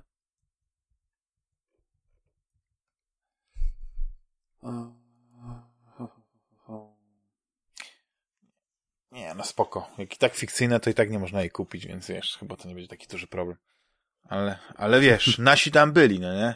Jakby jeszcze gdzieś butelka wódki była przewrócona, to już w ogóle, tam, wyborowa, nie? Chyba, chyba, chyba gdzieś tam butelka wódki była. No, czyli Polacy. Um... Grają w gry planszowe, piją wódkę, świetnie się bawią, recytują Szymborską. To jest, to są nasi. No. Ale to w, tak już zamykając, wspomniałeś o e, Void Bastards. E, mhm. My rozmawialiśmy kiedyś o Void Bastards, no pewnie nie z tą falę, ale e, rozumiem, że e, dopiero zacząłeś grać, tak? Czy, czy, już, czy właściwie to mm. tak masz za sobą całkiem niezły staż, rozbudowaną postać i Trochę znaczy, wpadłem znaczy, w pętlę już, ale tak yy, powiedzmy, że jestem gdzieś tak no, w połowie drzewka rozwoju. Mhm. Mnie ta gra po pewnym momencie znudziła. Znaczy, podobała mi się, na początku robiła duże wrażenie, ale później już czułem takie zmęczenie tym wszystkim i, i... Mhm. ale to jest taka cecha tej gry. To jest, to jest, to jest rogalik i na tym polegają rogaliki. Tylko to jest ten motyw taki, że ta twoja postać za każdym razem, jak, ją, jak, jak zaczynasz grę, to pewne cechy ma losowe. I może być niski, wysoki, szybki, wolny i tak dalej, i tak dalej. To, to, to wpływa na samą e, rozgrywkę. No, no, i jakoś tak e, nie wiem, koniec końców jakoś nie jestem wielkim fanem Void Bastards. Więc jak chcesz w kilku słowach coś o Bastards, to, to możesz, jak nie, to no możemy to... coś jeszcze innego i, i, i, i chyba no. zamkniemy się w tych trzech godzinach. Jak myślisz? Super. E, nic, tylko że Void Bastards też jest bardzo fajną, celną krytyką e, władzy w korporacji. Aha.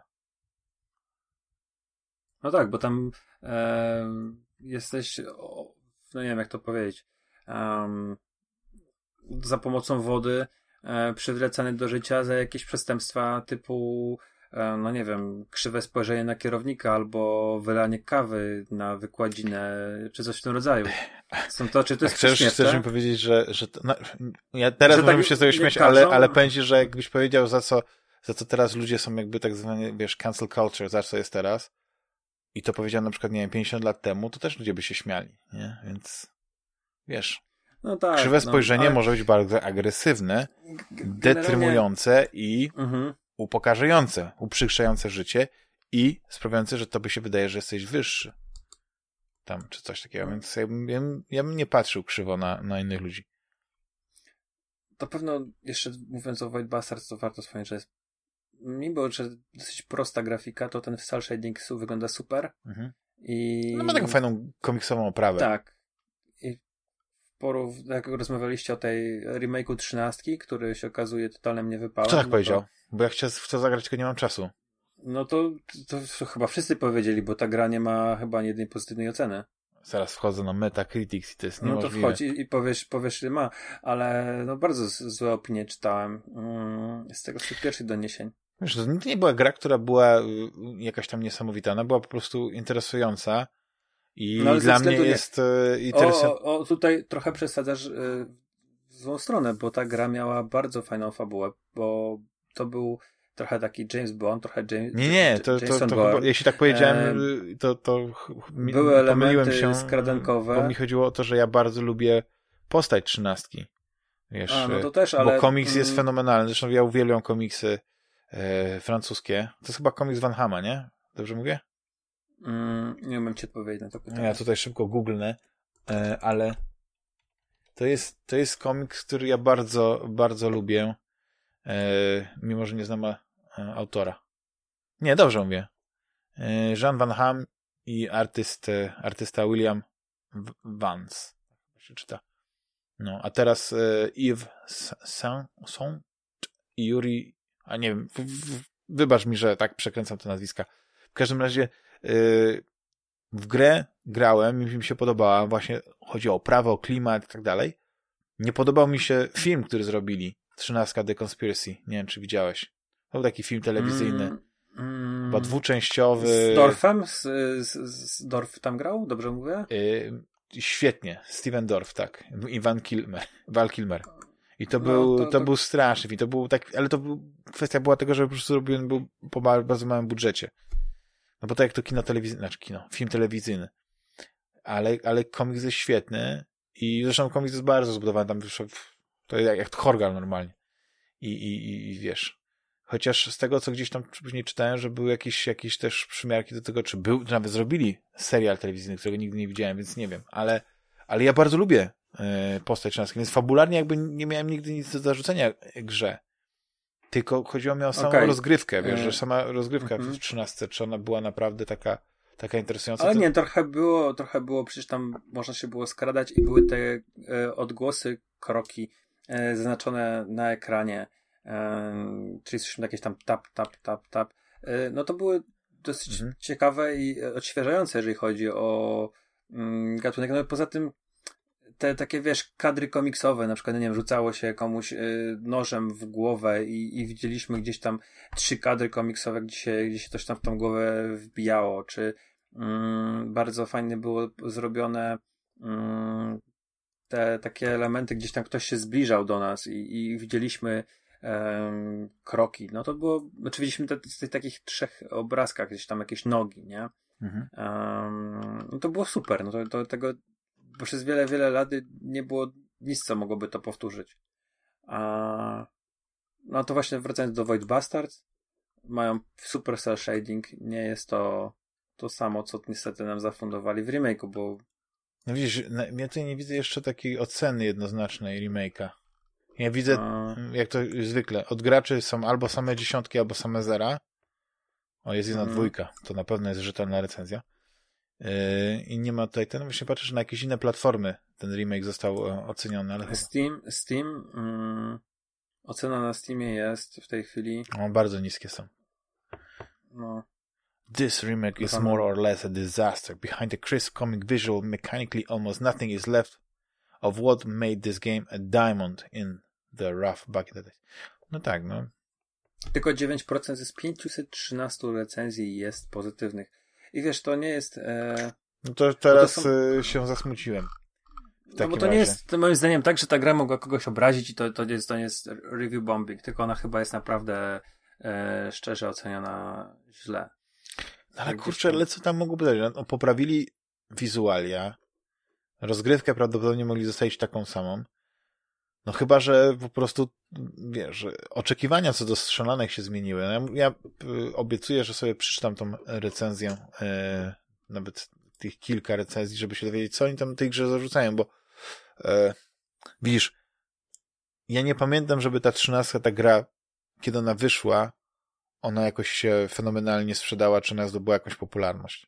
Że to nie było Halo, to nie było Call of Duty, to nie była żadna z takich gier, wiesz, jakieś Paraya, Unreal Engine, e, Unreal Tournament i tak dalej.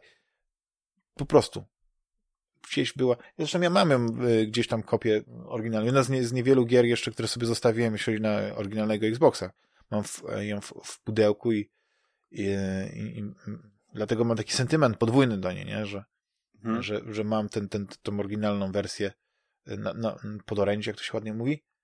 Ale właśnie to, że, ta, że mam do, do tej gry, że bardzo lubię komiks, klimat i, i też ta, ta, ta, ta oprawa mi się podobała, że widzisz, na pewno tamtego czasu, tego shellgamingu, było dużo świetnych gier, między innymi Borderlands, które pokazały, jak świetnie można y, zrobić grę w, w tej oprawie, jednocześnie z kapitalnym strzelaniem.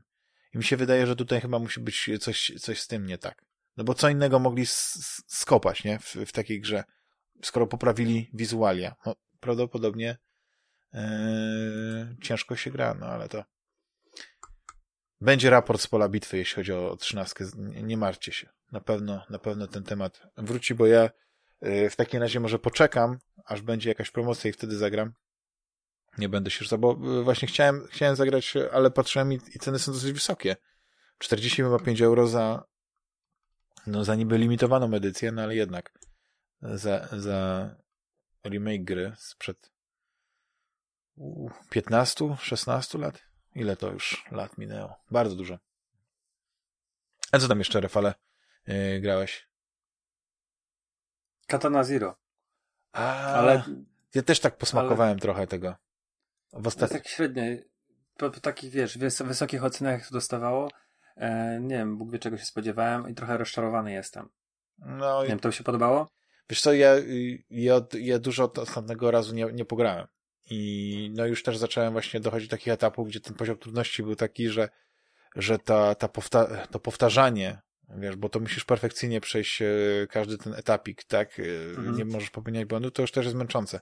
Ja już jestem starym graczem, ja już nie lubię powtarzać, ja lubię, lubię płynnie przechodzić przez, przez gry. Że ja lubię bawić się, ale jeśli widzę, że yy, że nie mam takiej satysfakcji, to mnie ten poziom trudności irytuje, a nie mobilizuje, czy, czy sprawia mi satysfakcję z tego, że po prostu muszę się gdzieś sprawdzić, nie? Bo zupełnie inaczej podchodzę na przykład do kontrol, gdzie e, albo do takich gier jak Soulsy, nie? Że ta, ta walka z bossem, że to podejście to jest taki to, no, taka adrenalinka jest, no nie? I ten, ten moment pokonania tego bossa to jest taki, to, to jest taka ekstaza, to jest taka kulminacja. A tutaj po prostu powtarzasz to, tak jak w tych Super Meat Boyach i innych tego typu grach, no. Ale gra mi się no bardzo właśnie. podoba, bo ma świetną oprawę, fajny klimacik i, i e, mhm. no jest, jest taką małą perełką, no nie? Tylko no... Ale jest taką też małą zrzynką z Hotline Miami. E... Tylko w 2D. Inaczej, no, tylko w 2D. Tylko nie z góry, tak, o, tak, nie z góry. No, nie z rzutem, nie z rzutu takiego nie, no, nie, nie widok z góry, e... tylko z boku. Tak, tak, tak. No, no tak, no to, faktycznie. To jest nawet w fabule, wiesz, e czy, czy nie wiem, no to, to, to wszystkie, te wszystkie no, fabuły tego typu to są, ja mi się kojarzą z, z takim anime, chyba się nazywało Kite. E, później to ekranizowali um, Samuel Jackson grał w głównej roli. Robi to chyba w ogóle w Rosji za pieniądze rosyjskie. E, no, no, no, zaciekawiłeś mamy, mnie. To już nie pozwolę ci. Samuel Jackson za pieniądze rosyjskie? Nie wiem, tak ten, ten, ten, ten może jakieś, wiesz, jakieś co, jeszcze raz? Nie, nie, śmieję się. Nie, może śmie, wiesz, jakiś tam bałkański kraj to był, ale to tak ta, ten film mm, to była ekranizacja anime. Nieważne, w każdym razie mamy, mamy zabójcę, Napijmy który się. tam traci pamięć, bierze jakieś leki, które mają mu tam niby pomóc, e, dostaje jakieś tam wiadomości i to wszystko mi tak e, bardzo się mocno To bardziej bym myślał, z... że Bruce Willis w takim filmie zagra. Blazing Sun... nie. nie, czekaj, czekaj, czekaj. Ale, ale, ale Hitman, Samuel o, Jackson, Hitman, nie, to ja patrzę, co jest postprodukcja. Ale Samuel Jackson nie jest tam w tym filmie główną postacią. Sta stage, Tylko, że jest aktorem, banker. który, który jest y, na plakacie. Na uwięzi ten film się nazywa po, po polsku. E, na uwięzi. No musimy teraz znaleźć, niestety. Ostatni film, jaki widziałem z nim, to był Shaft. Z tych nowych. Ale to jest, słuchaj, ale żeby, żeby była jasność. E... A, no proszę, ten film był kręcony w Johannesburgu, to ja w ogóle nie trafiłem, czyli to jest Południowa Afryka. Ten film jest sprzed kilku, sprzed kilku lat, no. To jaki jest tytuł oryginalny angielski? Kite. Mm, tu, tu, tu. Ładnie, ładnie tutaj. Samuel L. Jackson. L. Jackson. 2014 rok. Okej, okay, dobra, 2014. No, to, to, to nieważne. O jest, znalazłem, jest, ja nie mogę. Ile on, on 48 filmów yy, po tym jeszcze nakręcił. E, no. Musiałem przewijać yy, naprawdę długo. No, ten film to wygląda jak coś z Nollywoodu. takie walory przynajmniej na tych zwiastunach i na tych zdjęciach, to jest po Mm. prostu after her cop father is killed. Okej. No patrzę, patrzę i aż 19 metascore, 19 e, punktów na 100, ale ocena jest całkiem wysoka na, na IMDb 4.4. No, no. Fani anime to dali na pewno. Ci tacy, wiesz, super, To super, bardzo są zatwardziali. Są, jest taka grupa obrońców e, właśnie... Ekranizacji anime, Tak, nie? nie, no. Jak się nazywał ten film? E, Avalon z, z, z Foremniak? tak. Z Małgorzatą. Foremniak? Tak, ty, co, Mhm. co po prostu... No, ten film jest makabrycznie zły, słaby. Tak, tam są retrospekcje retrospekcji po pierwszych pięciu minutach filmu. I wiesz, jazda tramwajem i tak dalej. Ale ja rozumiem, że ktoś, kto nie jest, e, ktoś, kto nie mieszka w Polsce i, i, i nie widzi tych tramwajów, nie widzi tego klimatu, to to może być fascynujące. Wiesz, co za scenografia, co za fantastyczne obiekty. Wiesz, jak gdyby, gdyby to przerysowali, zrobili tego anime, to wow, jakby to super. Ale ja pamiętam, taka anegdota, chyba to był film albo chyba magazyn film. Taki pamiętasz, był kiedyś taki magazyn film. On już Mhm. chyba nie istnieje, nie? Pewnie. Już nie istnieje. I tam była taka, taka historia, że wysłali jednego recenzenta z tego filmu, bo to miała być okładkowa w ogóle historia, tam wywiad z Małgorzatą No. Foremniak, wiesz, wysłali do kina, żeby obejrzał ten film. Ja on przyszedł z tego, po prostu taka konsternacja, mówi, że to jest po prostu G, nie? Że to jest w ogóle tragiczny film, tego się nie da oglądać. A i tak nie no, niemożliwe, no nie? To wysłali drugiego recenzenta, on obejrzał i to samo, nie? I e, dodatkowo mieli wywiad z, z Foremniak i podobno ten wywiad przed autoryzacją był całkiem sympatyczny. Ale po autoryzacji to po prostu wyszedł tak pocięty, w ogóle y, całe odpowiedzi pozmieniane. No wiesz, no w Polsce to prawo autoryzacji jest no, święte. I, I no musieli to tam. I to było tak, tak żenująca ta, ta historia była, że oni po prostu się odnieśli w tym wstępniaku. Do tego wywiadu, do tego jaki to jest film i tak dalej, że po prostu e, takie, takie podejście. Ja oczywiście teraz po latach z jakimś tam e, rozrzewnieniem bym obejrzał e, Avalona, dlatego że no, mimo wszystko e, no to jest, to jest film em, no film, no nie wiem co powiedzieć, no to jest e, Kuriozum, no to jest kuriozum. Mamoru Oshii zrobił No tak, japoński nie, film no- w- z polskimi aktorami w Polsce. nie znając polskiego, e, tak, no wiesz, ale I Ale- ja pamiętam, że te kwestie, które oni wypowiadali, to była e, to był taki cringe, to się po Tak. prostu nie da zapomnieć. Dlatego mówię, że jak ktoś by Tylko oglądał to z napisami, towarzyszył. albo wiesz, tak jak my oglądamy japońskie anime. Jak- Ja na przykład lubię akad anime z angielskim dubbingiem, nie? nie? Nie jestem wielkim purystą pod tym względem, więc ja nie potrzebuję mieć japońskiego, bo go nie znam i, i nie lubię czytać yy, napisów, ale ja rozumiem, bo ktoś, kto, kto zrobił genialny Ghost in the Shell, no dla mnie to jest, to jest genialny film. To jest jeden z moich ulubionych filmów właśnie ze względu na atmosferę, na, na, na treść. Tam, tam on jest tak, tak skondensowany, tak prosty też można powiedzieć pod pewnymi względami. On, wiesz, porównanie do tego, co później rozbudowali w tym, tym uniwersum, nie? To, co tam jest standalone Mhm. complex, jak oni tam nadbudowali ten świat i tak dalej. Ghost in the Shell jest, jest tak proste, ale jednak tak wizualnie rewelacyjny. Odnoszący się, prawda, zapożyczający z wielu, z wielu e, innych rzeczy, ale też później inne, inne filmy, na przykład też Matrix, nie zapożyczał z Ghost in the Shell, ale to już nie odchodzi.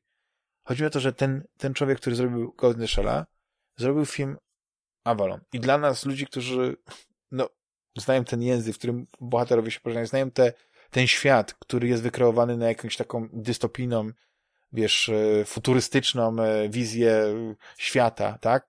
No to to jest śmiech Mhm. na sali, no nie? Bo to, że puścisz, jak wiesz, w sepi dwa tramwaje, raz w jedną stronę, raz w drugą stronę, to nie znaczy, że mamy po prostu, wiesz, jakąś postapokalipsę.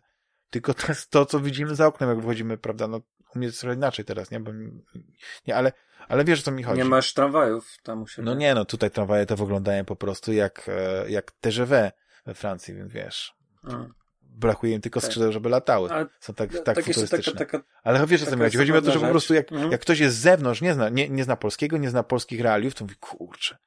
Ale tak jak na przykład, kiedy Ziemia Obiecana e, Wajdy, prawda, była nominowana do Oscara, ludzie w Ameryce byli zachwyceni, mówię, jaka scenografia, jakie niesamowite, ile tą pieniędzy zbudowanie tego musiało kosztować, jaki geniusz, no nie i tak a dalej. to była Łódź. A to była Łódź. I to nawet specjalnie współczesna, wiesz. Oni nie musieli nic No. robić specjalnie, żeby, żeby ją postarzać, wiesz, nie musi, bo, bo to wtedy już nie było takich metod.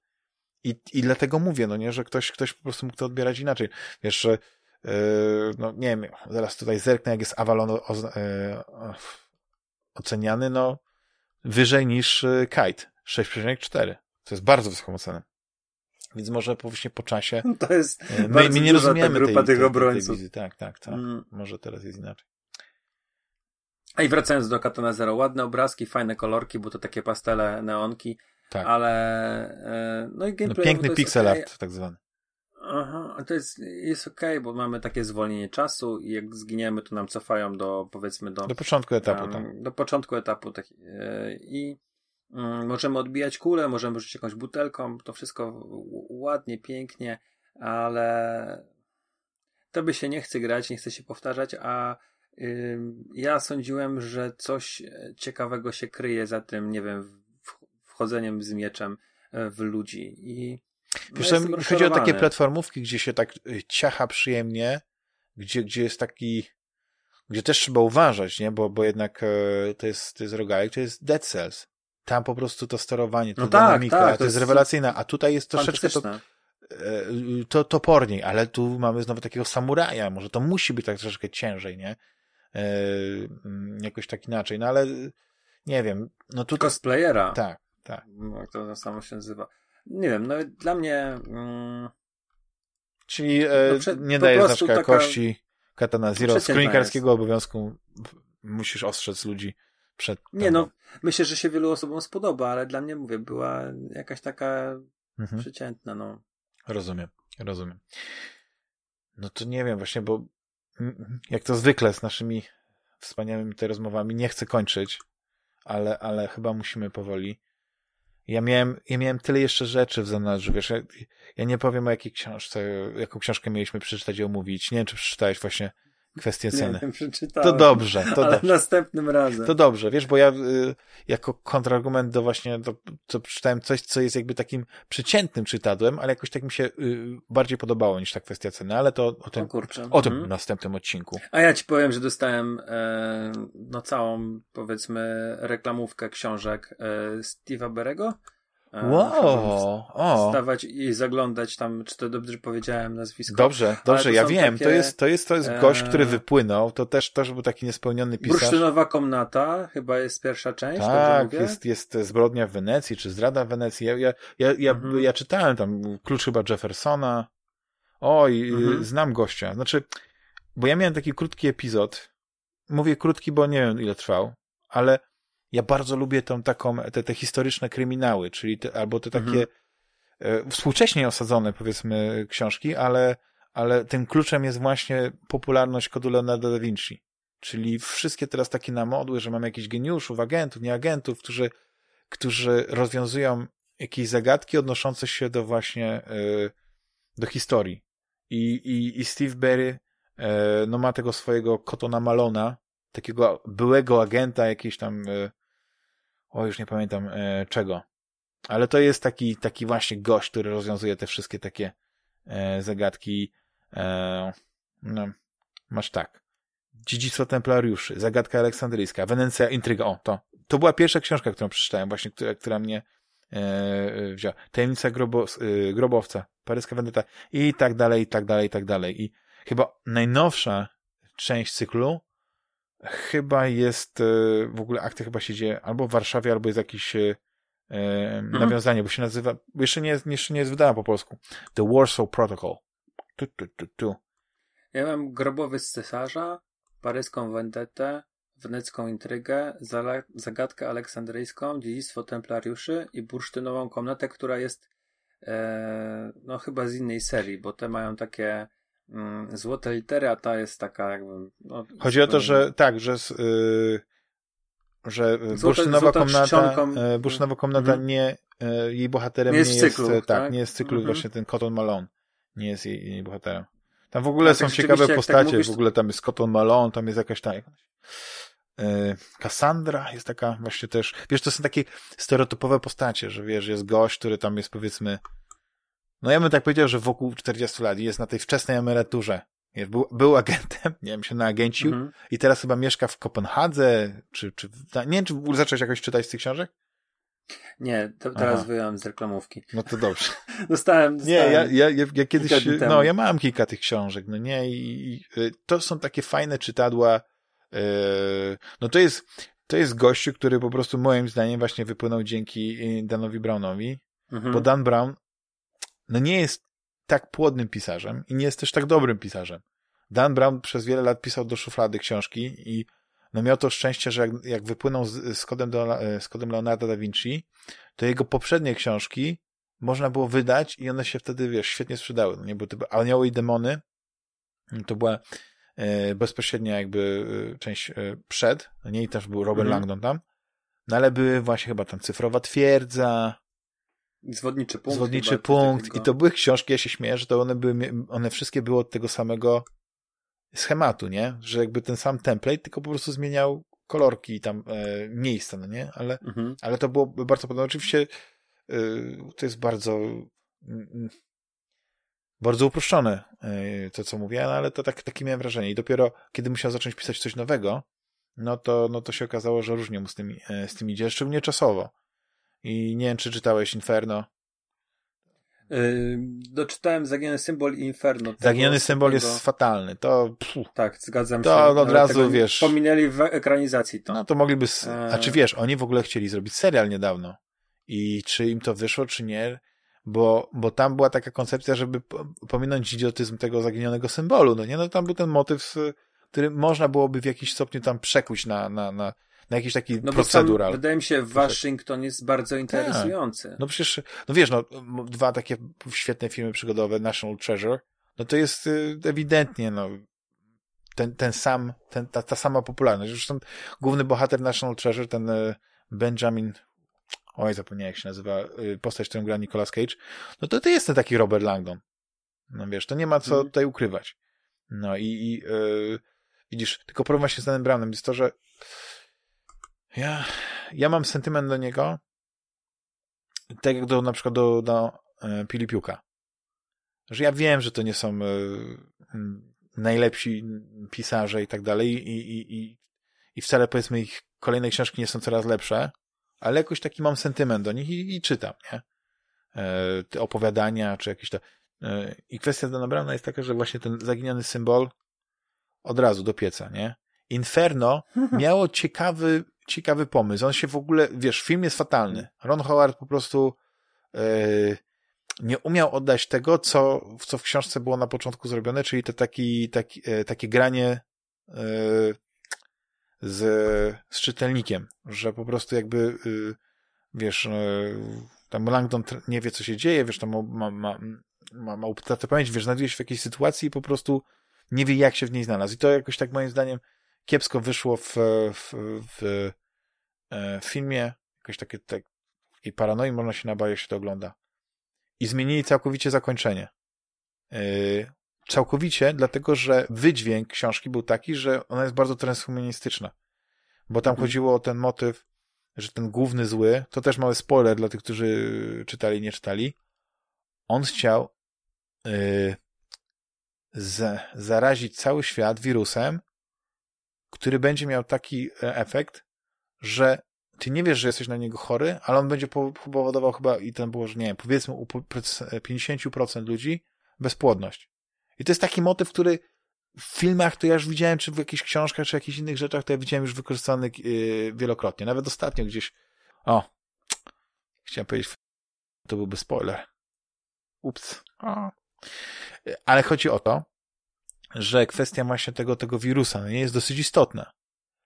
I film kończy się inaczej niż książka. Nie w tym, co się dzieje, ale w, w tym ostatnim etapie tego. I mhm. choć książka jest taka sobie, to uważam, że zakończenie książki jest lepsze. Bo, bo daje ci więcej do myślenia. A w filmie tam, wiesz, happy end, tralalala, wiesz, zachód słońca, buzi buzi.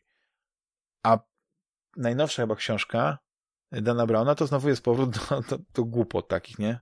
Nie wiem, czy widziałeś. Początek. Tak, Początek Origin. Jeszcze jej nie przeczytałem. To jest książka, która buduje napięcie, że, że zdradzi ci jakąś tajemnicę.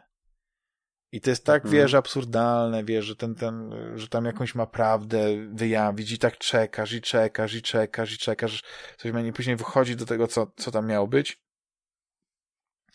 I okazuje się, że no po prostu nic. Nic.